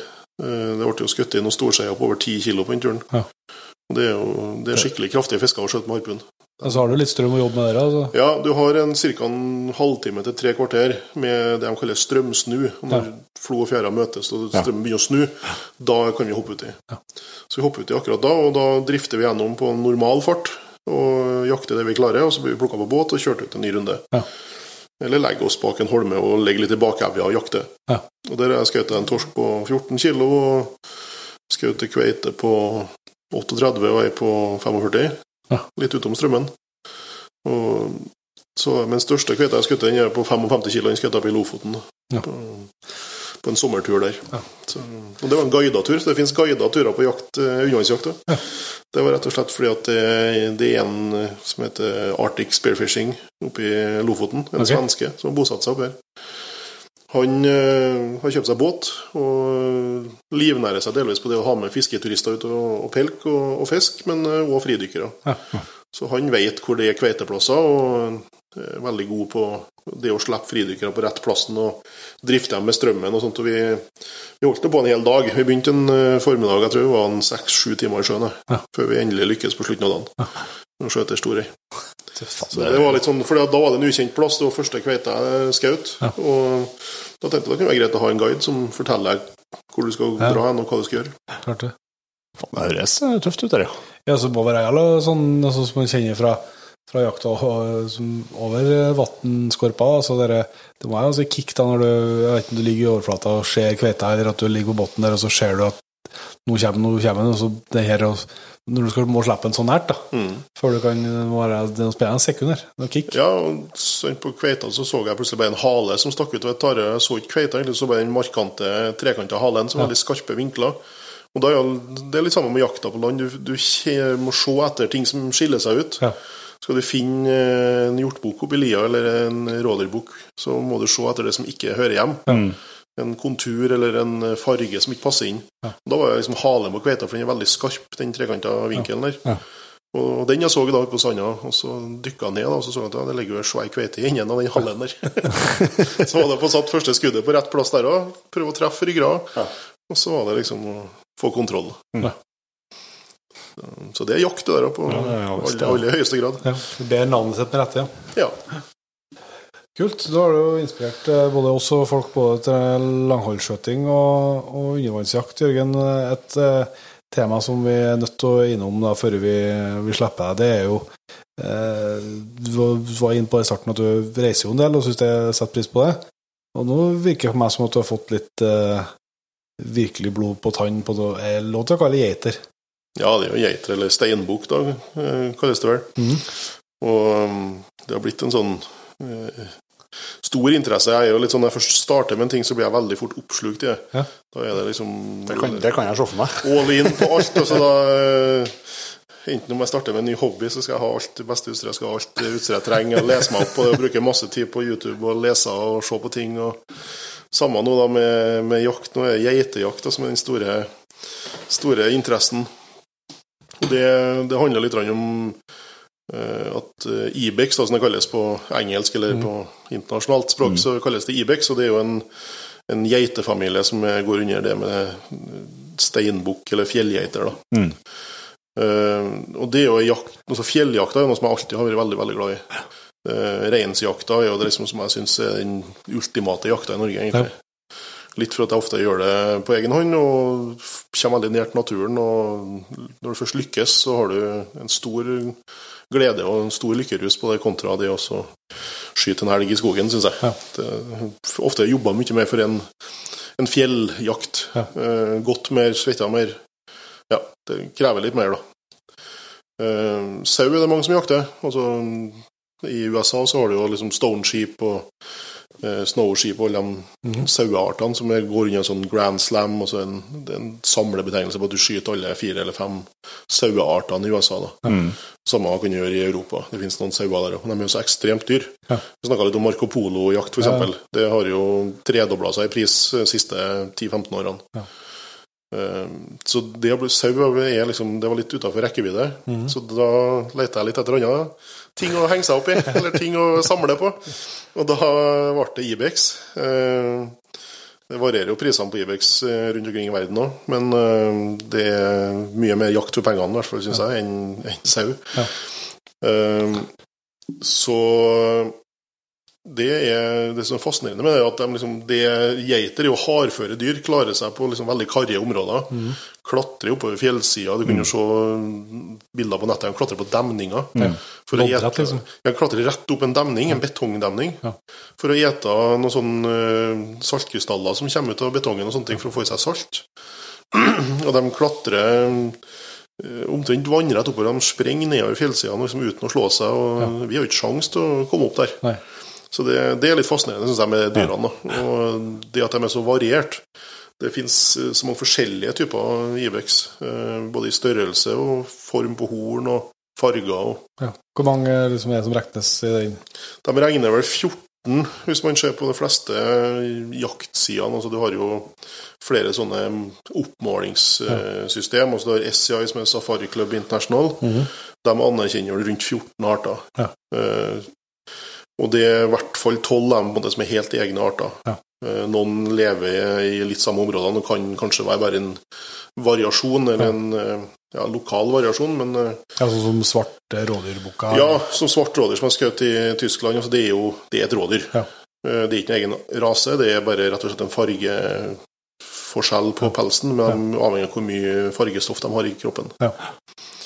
Så, eh, så det, det regnes som 14 arter, da. Eh, Så det er målsettinga å få skutt samtlige Ibex-arter i verden. Har du navnene i hodet, eller? Jeg har dem i hvert fall på papiret her. Eller jeg har dem i hodet, ja. Nei, I Spania så har vi fire sorter. Eller fire arter. Ja. Det er Gredos, eh, Besaite, og så er det en som blir kalt Southeastern eller Sierra Nevada, okay.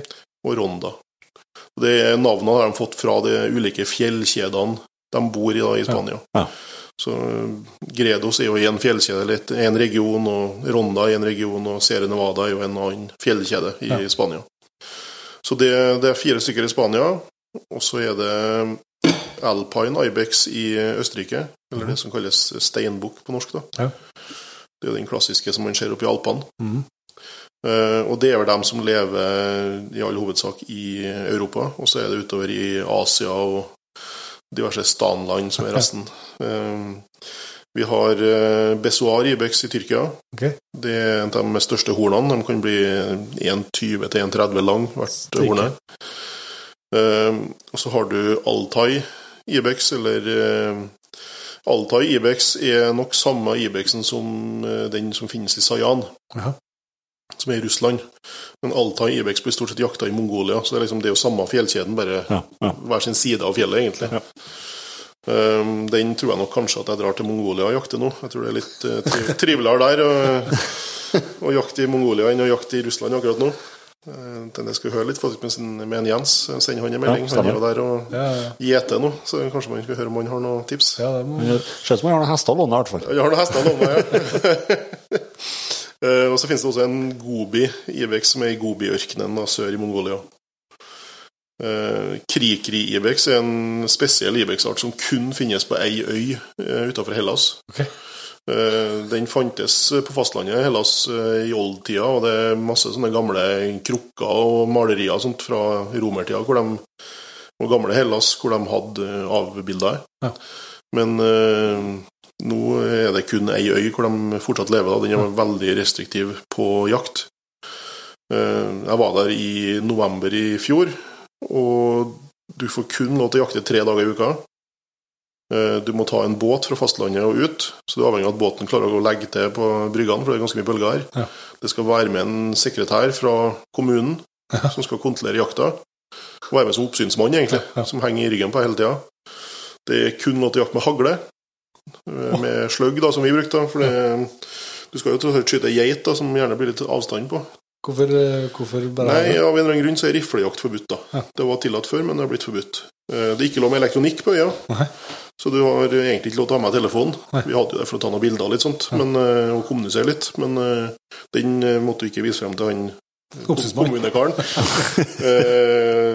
Jeg hadde jo med en eh, håndkikkert, det fikk jeg også beskjed om at ikke var lov. Oh.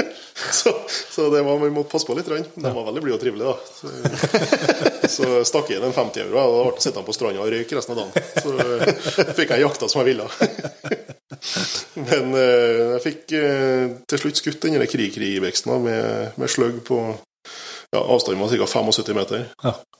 Og da, Det er en liten er på størrelse med en stor rådyrbukk, rundt okay. 25 kilo. Ja. Så det rød på fibersiktet på hagla det dekket nå nesten hele bogen, i hvert fall nesten hele framkroppen på Ibexen. Så jeg sikta nå midt på framkroppen og trekte av, og den sprang den gjennom busker og forsvant. Ja. Så spurte jeg han eh, guiden min om hvordan vi gjør ettersøk her nå. Om det, fant ut noe blod og sånn. Jeg bare gå etter lukta. Ja. For at det var full brunst på Ja. Ibexen. her, så Det lukta ordentlig geit. Så det var rett og slett bare å gå med nassen litt høyt og så få rett vindtrekken, så var vi vår egen eh, sporhund.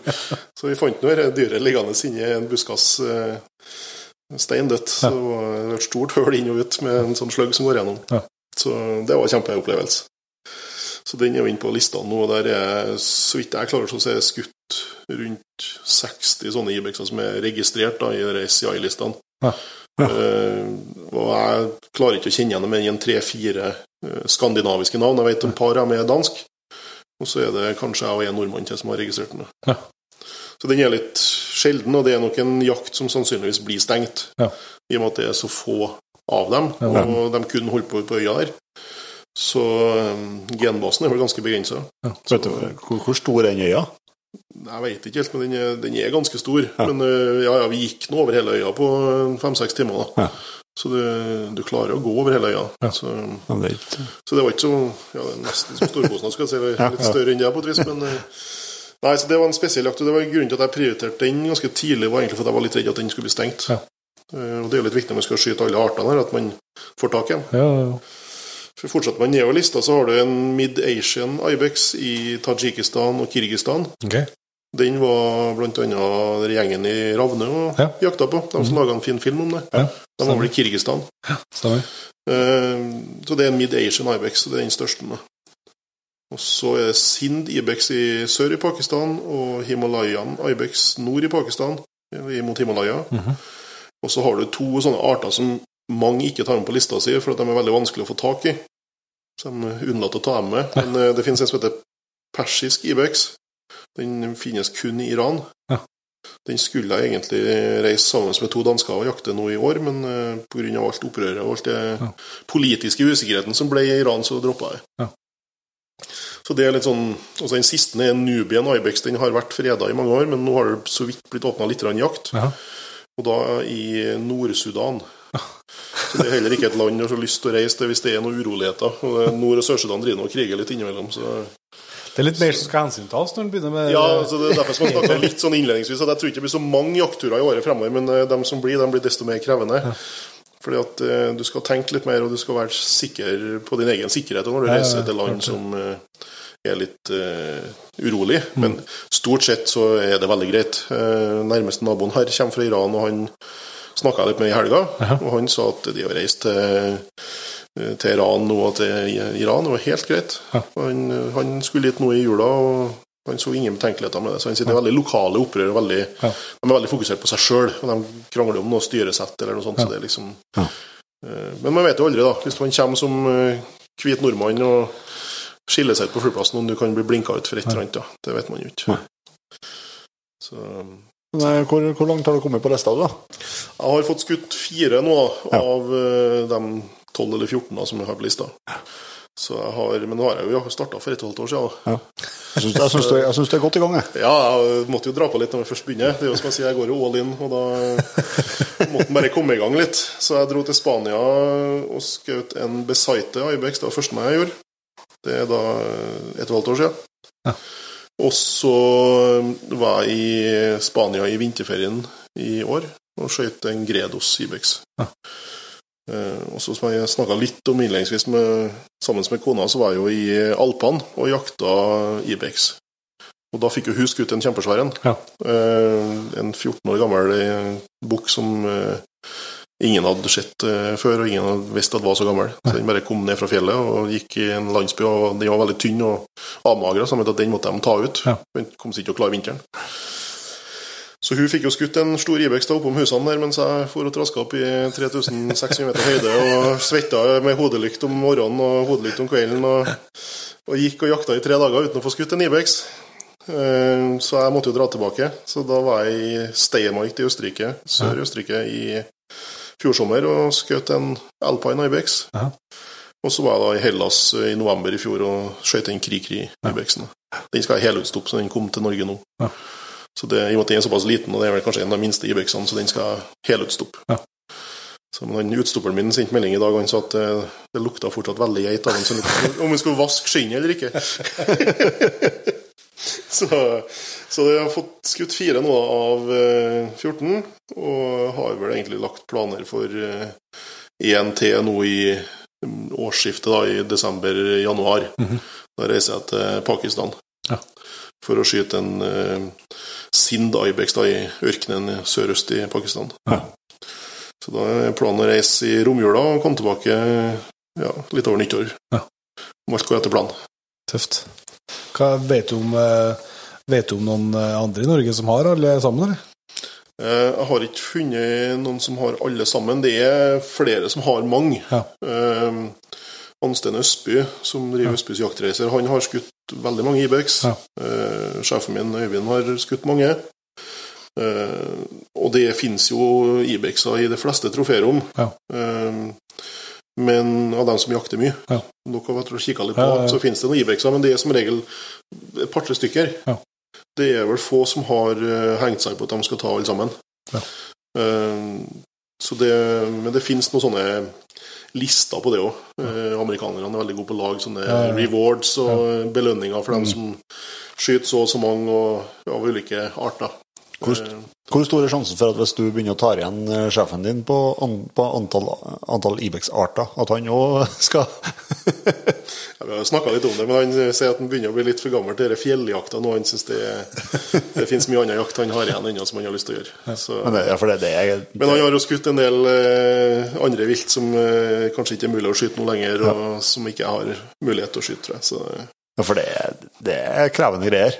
Det er jo veldig krevende i form av både med høyde, og du kan jo bli høydesjuk, og, og det er krevende fysisk. Du skal gå langt. Eh, Det er ja, sånn som I Spania kan du si, så er det jo litt sånn eh, lett jakt. Altså der er- kjører man bil, og så går man ut i terrenget. og Mye av jobben går ut på det å finne dyrene. Det er utrolig store fjellområder. Du leter etter litt sånn nåle i høystakken.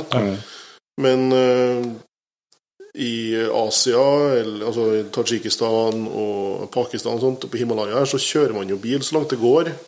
Så må du kanskje ta hest i en hel dag. Ja. Ri inn, eller du må gå en hel dag inn.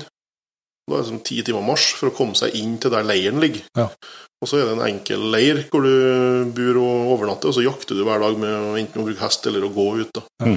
Så det er klart det, det er krevende jakt, så man må jo holde seg i fysisk form, og det er jo litt av, ja, litt av motivasjon òg, for, å- for å holde seg i form sjøl òg. Det å trene litt og, og få rørt seg og komme seg i form til den der jaktturen som man ser fram til. Ja.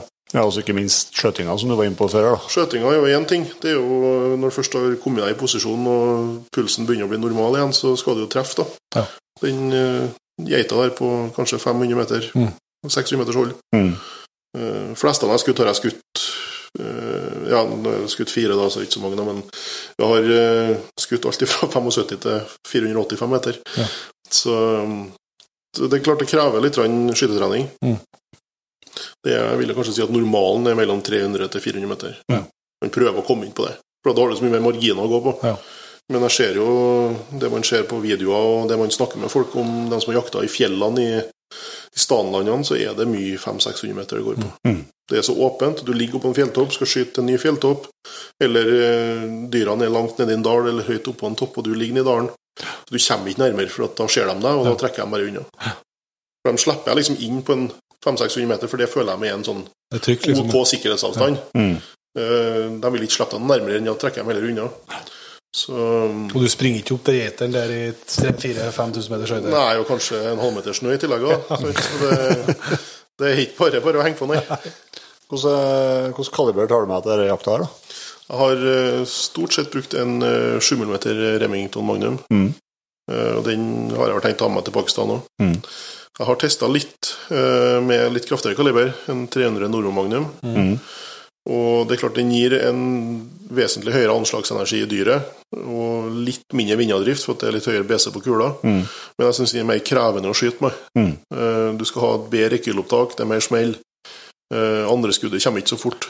Eh, Og litt at jeg er ikke så dus med den rifla, egentlig, eller det oppsettet, som jeg er med den 7 meter Remagen som jeg har skutt mange, mange vilt med. Ja. Den er jeg brukt på monterier og på andre drivjakter, og Mm. ja, reist mye med den. Ja. Så det er liksom godbørsa når jeg når jeg drar på tur, så er det den 7 Remagen som blir med. Kult.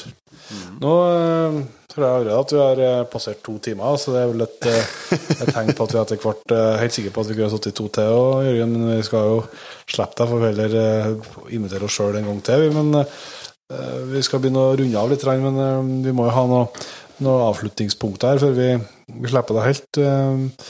Eh. Nå har du jo kommet med tips både til undervannsjakt og ikke minst langholdsskjøtinga. Men hvis du skal trekke fram det du sjøl tenker er et beste jakttips? Ja. Det beste jakttipset jeg har, går egentlig på det å starte forberedelsene før jakta. Start treninga på skytebanen. Mm. Skyt nok med våpenet ditt, så at du er helt sikker på at du kjenner det godt. Mhm.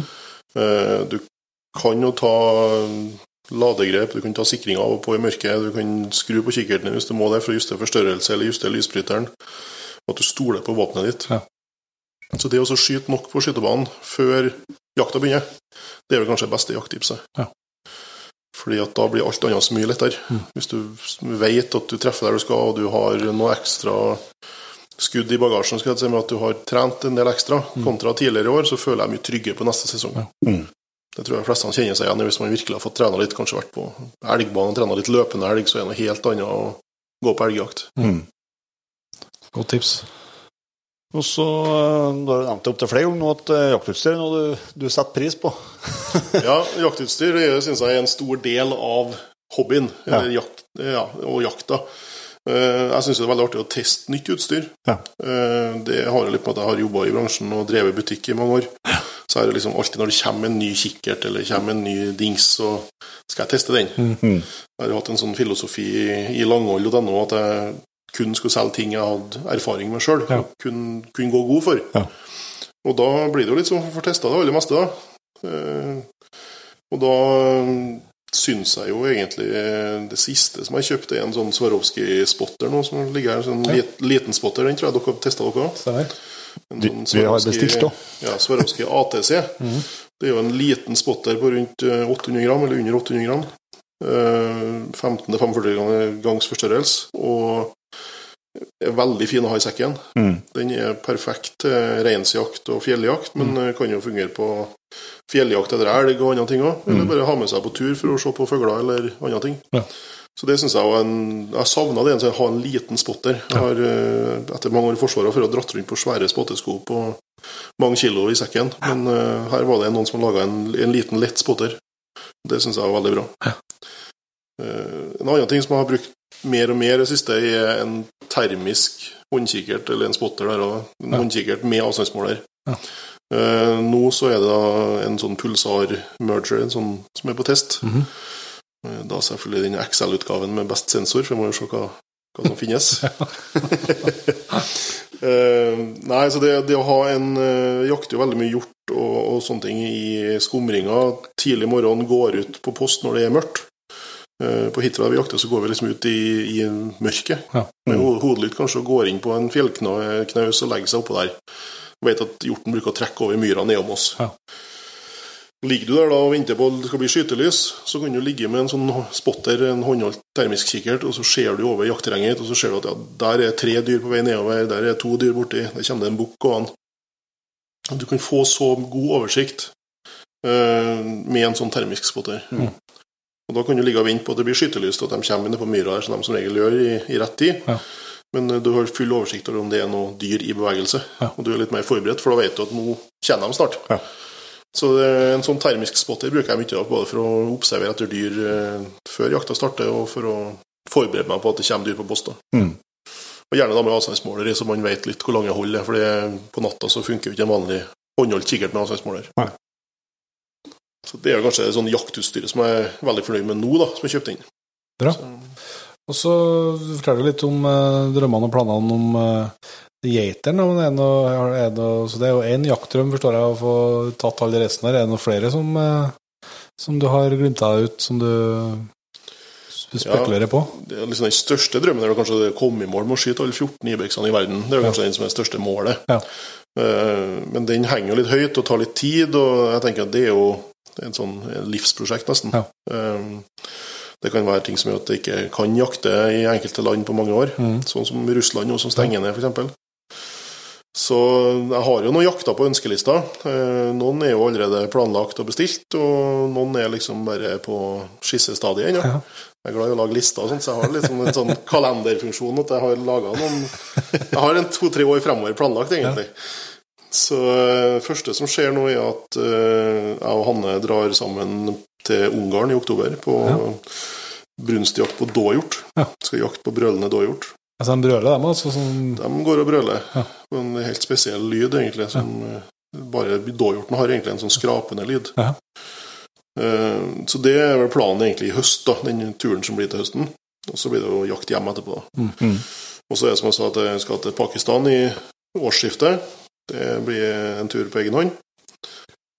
Eh, Og så har vi planlagt en sånn Sør-Afrika-tur i påska neste år. Ja. Men det blir med hele familien. Ja.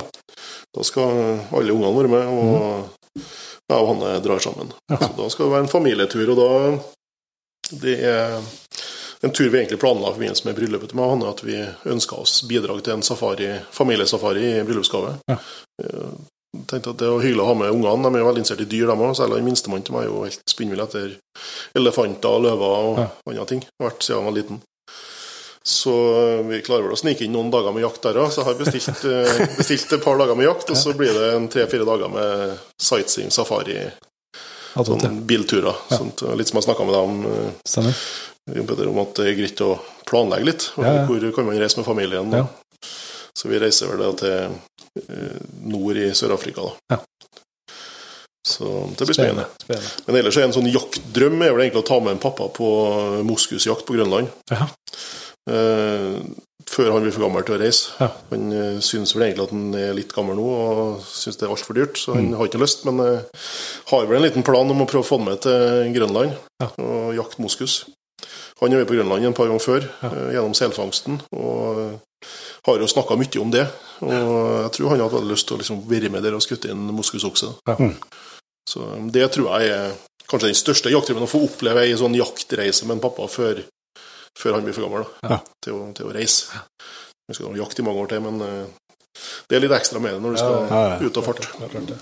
Faen, altså, du virker som en strukturert Du har liksom planene lagt i Revisor, da, vet du.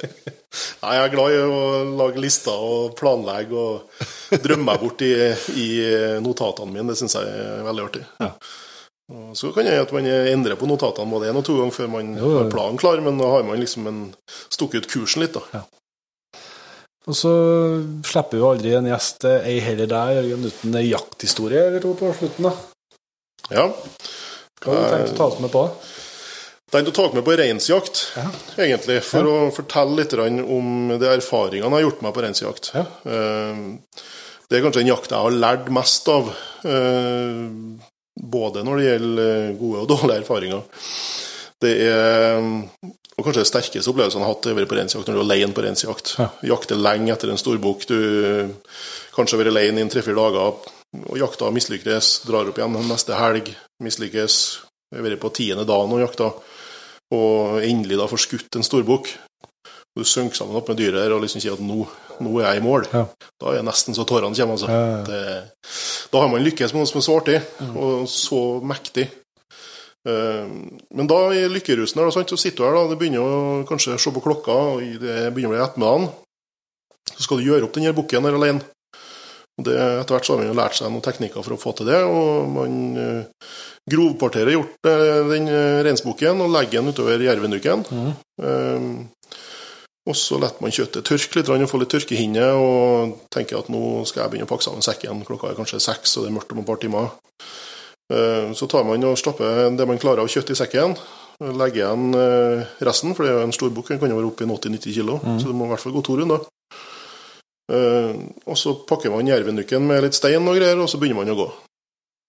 Og så tenker man når man har gått en liten stund, da Hvor var det jeg la frem den jervenuken med 40 kilo kjøtt? med fjellkamoen opp. Sikkerhets for sikkerhets skyld. Ja. I hvert fall én gang har jeg måttet satt fra meg sekken og snudd og gått tilbake. ja, Ja. For å gjøre det en alltid skal huske på, og det er å merke av på GPS-en sin. Ja. Mark et point, altså hvor, hvor var den kjøttbøra hen?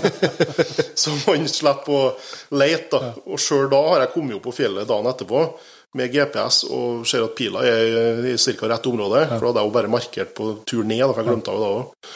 Kom opp og leta hvis det var sånn Det Kunne ikke være så mange hundre meter unna.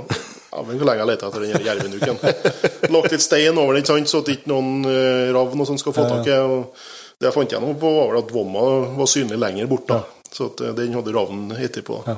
Legg alltid vomma og skinnet og sånt en 100 meter unna der kjøttet ligger. Ja. For da går rovdyrene mye mer på vomma, for det er mye lettere. Ja. Så, men så er det en annen ting som man må huske på når man er på reinsjakt, at du blir veldig ivrig. da. Når du ser reinsflokken foran deg, så begynner du å smyge innpå. Og så er det et helsike å smyge med ryggsekk på ryggen. sant? Du skal få ål med det på ryggen, så du slenger fra deg ryggsekken. da. Og så flytter du etter flokken. Og så nesten så får du en skuddsjanse, men så begynner flokken å røre seg igjen. Trekker jeg bort til neste dolp, og du flytter etter. Og sånn kan du holde på fire-fem flytt kanskje før du får tak på rett dyr. da. Og da, hvis det enten om du har skutt eller ikke ble noen ting, at du bare må reise deg på og begynne å gå hjem eller gå etter flokken, da, så snu deg og så kikke hvor ryggsekken er. Da Da er ikke den å jo da selvfølgelig da funnet en einer eller et eller annet eh, halv kilometer bakover. da. Alle terrenget ser likeens ut. Så det er jo en sånn ting å legge fra seg sekken på en høyde, eller sånn finne igjen en. Mulig å finne det. Ja, det, det har jeg tenkt litt på. Uh, siste er jo det gjelder utstyr, det òg. Det er For et par år siden så var jeg og Hanne inne i Snøhetta og jakta rein. Da skulle vi ha simle og kalv. Vi hadde vel jakta i hvert fall ei helg, kanskje to helger, uten å få til noen ting. Og så oppdaga vi en flokk som var ganske langt ned i en dal. Eh, Vi satt høyt oppe og spiste lunsj, og plutselig så ser vi dyr som kommer beitende. Det var jegere rundt oss, men det var ingen som oppdaga dem, tydeligvis. da. Fordi Inni Snøhetta kan jo være litt trøkk på dyrene, særlig inne i skytefeltet og områdene der, på Hjerkinn. Ja. Så eh, de beita bare rolig i et dalsøkk, og jeg tenkte at nei, det er ikke skjer andre folk som må bare hive til seg maten og begynne å springe. da. de I hvert fall kommer seg ned, ned i slukta, og det var en sånn bekkdal som gikk der. Så jeg sa til henne at du sitter igjen og så følger du med litt, og så sender du melding hvis det er noen ting, hvis de rører seg. Så hun satt igjen på observasjonspost, og jeg tok sekken og, og sprang nedover, eller småjogga nedover dalen der og skulle komme meg i posisjon. Og Det første jeg gjør når jeg kommer over den bekkdalen og skal liksom komme meg ned i den for å krype bortover, da, i sånn eh, ren sånn skyttergravstil omtrent, Ja. at jeg nesten tramper på en sånn sur moskusokse som ligger nede og hviler seg. Så uh, han skvatt nå opp og begynte å snøfte og stampe, og jeg var godt innenfor ti meter på han. Du snøfta og stampa, du òg? Jeg visste jo ikke helt hva jeg skulle gjøre, egentlig, så jeg endte opp med å gå i en stor bue rundt den, da, som jeg er vant til å gjøre, men uh, det var nært. Det var vel nært, egentlig. Nå kjenner jeg at det lukter litt moskus, så er det ganske nært. Men så tok jeg noen buer rundt den moskusoksen og fortsatte mot reinsflokken. Og først så fant jeg ikke igjen dem. Og så tenkte jeg nei, da må jeg være litt lenger ned, og flytta meg lenger ned, og nei, fant ikke igjen dem da heller. Og der ser en liksom hvor ukjent et terreng kan være når du kommer nedpå her. Og så Ja. så jeg fra kanskje 1,5 km avstand til å begynne med, så kommer du ned i liksom terrenget og tror at nå kjenner du deg igjen. Ja. Du prøvde å peile ut en par fjelltopper, så du klarer ikke å kjenne deg igjen når du kommer frem. Det har jeg sett bare på kortere hold på, på jakt. og Du skyter et dyr som du legger seg i marka, så skal du gå ned fra jakttårnet Ja. til posten så finner jeg den Plassen, ja. plassen. Ja. Hvor ukjent det er, eller hvor ulikt det er når du kommer og ser andre veien. Og så når du først begynner å bli usikker Ja, da blir det leit i hvert fall feil. Nei, så Det var en litt sånn lærdom at man, terrenget er annerledes når du kommer frem. da. Men jeg fant nå igjen de dyrene. eh, Fikk en melding fra Hanne om at jeg måtte flytte meg lenger ned, da, for hun satt og kikka på alt det og lurte på hva jeg holdt på med. Så det ennå så var det jo et par hundre meter ned til dyrene. Så der kom jeg meg i rett posisjon og fikk skutt ei simle. Og flokken sprang nå videre innover dalen. og mer som en gryte, egentlig, så jeg skjønte at de kommer ikke ut derifra uten at vi ser dem igjen. For de bare for inn i liksom en sånn slukt der, da. Ja. Eh, De kunne selvfølgelig stryke over, men da ville vi se at de for over toppen. Så jeg tenkte at da har vi kontroll på dem. Så jeg vomma fort ut av den simla og skjærte det kortet som du må skjære i. Det er jo et sånn uh, reinskort. Da må du krysse skjære av for hva du har skutt og når og sånt. Det er veldig viktig. Hvis du jakter videre uten å ha gjort det, så får du smekk på fingrene. Ja. Så da la jeg igjen sekken min og kniven og alt med det der, da. og var liksom fornøyd med den. Så skal jeg bare ta det keeplaffen min og fem patroner i lomma og sprenge etter flokken en runde til for å prøve å få i kalven. da. Ja. Og fortsatte et godt stykke innover før at jeg hørte bare plutselig noen sånn plaskelyder. Det var som en gjeng hester som kom springende over elv. Liksom. Det, det var jo da hele reisflokken som kom rett imot meg i sånn vasstrukket myr. Sånn raudmyr som sånn, var en fem centimeter vannlag oppå. Ja. Så jeg slengte meg bare ned da, og fikk skutt i en kalv. Eh, Og det gikk veldig greit, så jeg gikk fram og skulle ta tak i den. Og så så jeg på GPS-en, jeg hadde med en GPS i lomma, så at det var faktisk rundt 1,5 km, nesten 2 km tilbake til der jeg skulle Simla. Ja. For du, du blir ivrig, og så går du litt etter, og ja. går kilometerne fort, da, vet du. Sant?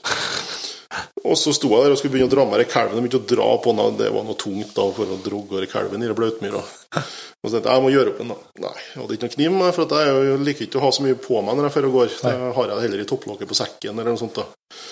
Så jeg hadde liksom rifla og kikkerten og kalven, og det jeg hadde egentlig. Så tenkte jeg nei, hva gjorde de før, da? Jo, da brukte de en stein, da. Så jeg gikk nå og kikka litt langs det vasskanten her, og så fant jeg faktisk en par sånne flatsteiner. Så jeg kakka av eh, liksom mer som et sånn flintlag, eller kakka av et blad, da. Så jeg fikk et eh, slags steinblad da, som jeg fikk nå gnegde opp vomma på, eller bukskinnet på kalven. Og med den steinkniven så klarte jeg å få vomma ut på en, egentlig en helt grei måte. Og, for det var en kalv som er ganske lett å dra fra hverandre, da. Men eh, så tok jeg nå kalven over skuldrene og kom nå ruslende tilbake til der Hanne satt og kikka på meg med mer sibla og så sikkert ut som en sånn huleboer da, som med en steinkniv og en reinskalv blodig over skuldrene og kom vaggende tilbake igjen.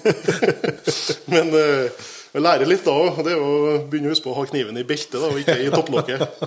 Ja, altså ikke at en rådløs kommer ta seg. Ja. Nei, en må bare prøve. Det, det, man har aldri vært rådløs. Man må bare improvisere og komme over problemet. Det er bra. Ja. Nei, men Da skal vi runde av her, og så skal vi si tusen hjertelig takk, Jørgen, for at du tok deg tid til en prat med oss i en travel hverdag. Det har vært utrolig både artig, interessant og ikke minst lærerikt, så det setter vi stor pris på. Og det er jeg helt sikker på at våre lyttere og oss med oss helt hit, eh, kan stemme i lag med oss i. Så tusen takk. Takk.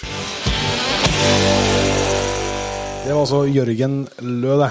En utrolig trivelig kar, og ikke minst dedikert og dyktig jeger på mange fronter, vil jeg si. Og eh, far og sønn eh, for andre gang i Jegerpoddens historie. Og Ja, det, Nei, det var- det gangen, det. Nei, det tror jeg ikke. Nei, det var en eh, Det var Det ble så bra som jeg håpa på ta en prat med Jørgen. Absolutt. Så det håper jeg at du som eh, har vært med oss helt hit og holder med oss i, at dette var, var vel brukt tid. Så da skal gjenstår det vel egentlig bare Jon Inge å ønske de nyankomne velkommen inn i P3-laget. Som da har eh, vi inn på før vi gikk på, men Jørgen de har sikra seg plass i trekkinga av elgjakt nå den 5. juli. Yep. Da skal vi trekke ut to heldige P3-en som får eh, i hvert fall muligheten til å bli med velge hvis de vil, som vi sier. Så vi starter på toppen av den lista her og sier tusen hjertelig takk til Even Hogsrud, Hogne Lodden, Trygve Kolås, Tom Thorsen, Jan Pedersen, Yngve Kurås, Carl Magne Bergland, Jan Otto Ingebrigtsen. Alexander Molland Asle Berntsen, og Bård Bergseth. Tusen hjertelig takk til alle dere, og selvsagt til alle sammen som allerede har vært med oss i P3-laget over lang, lang tid, og gjør det mulig for oss å prate f.eks. med sånne som en Jørgen. Yes. Så da runder vi Jon Inge sier som vi bruker å gjøre.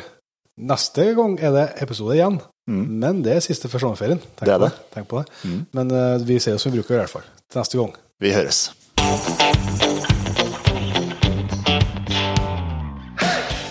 Tusen hjertelig takk for at du valgte å bruke litt av tida di på Jegerpodden.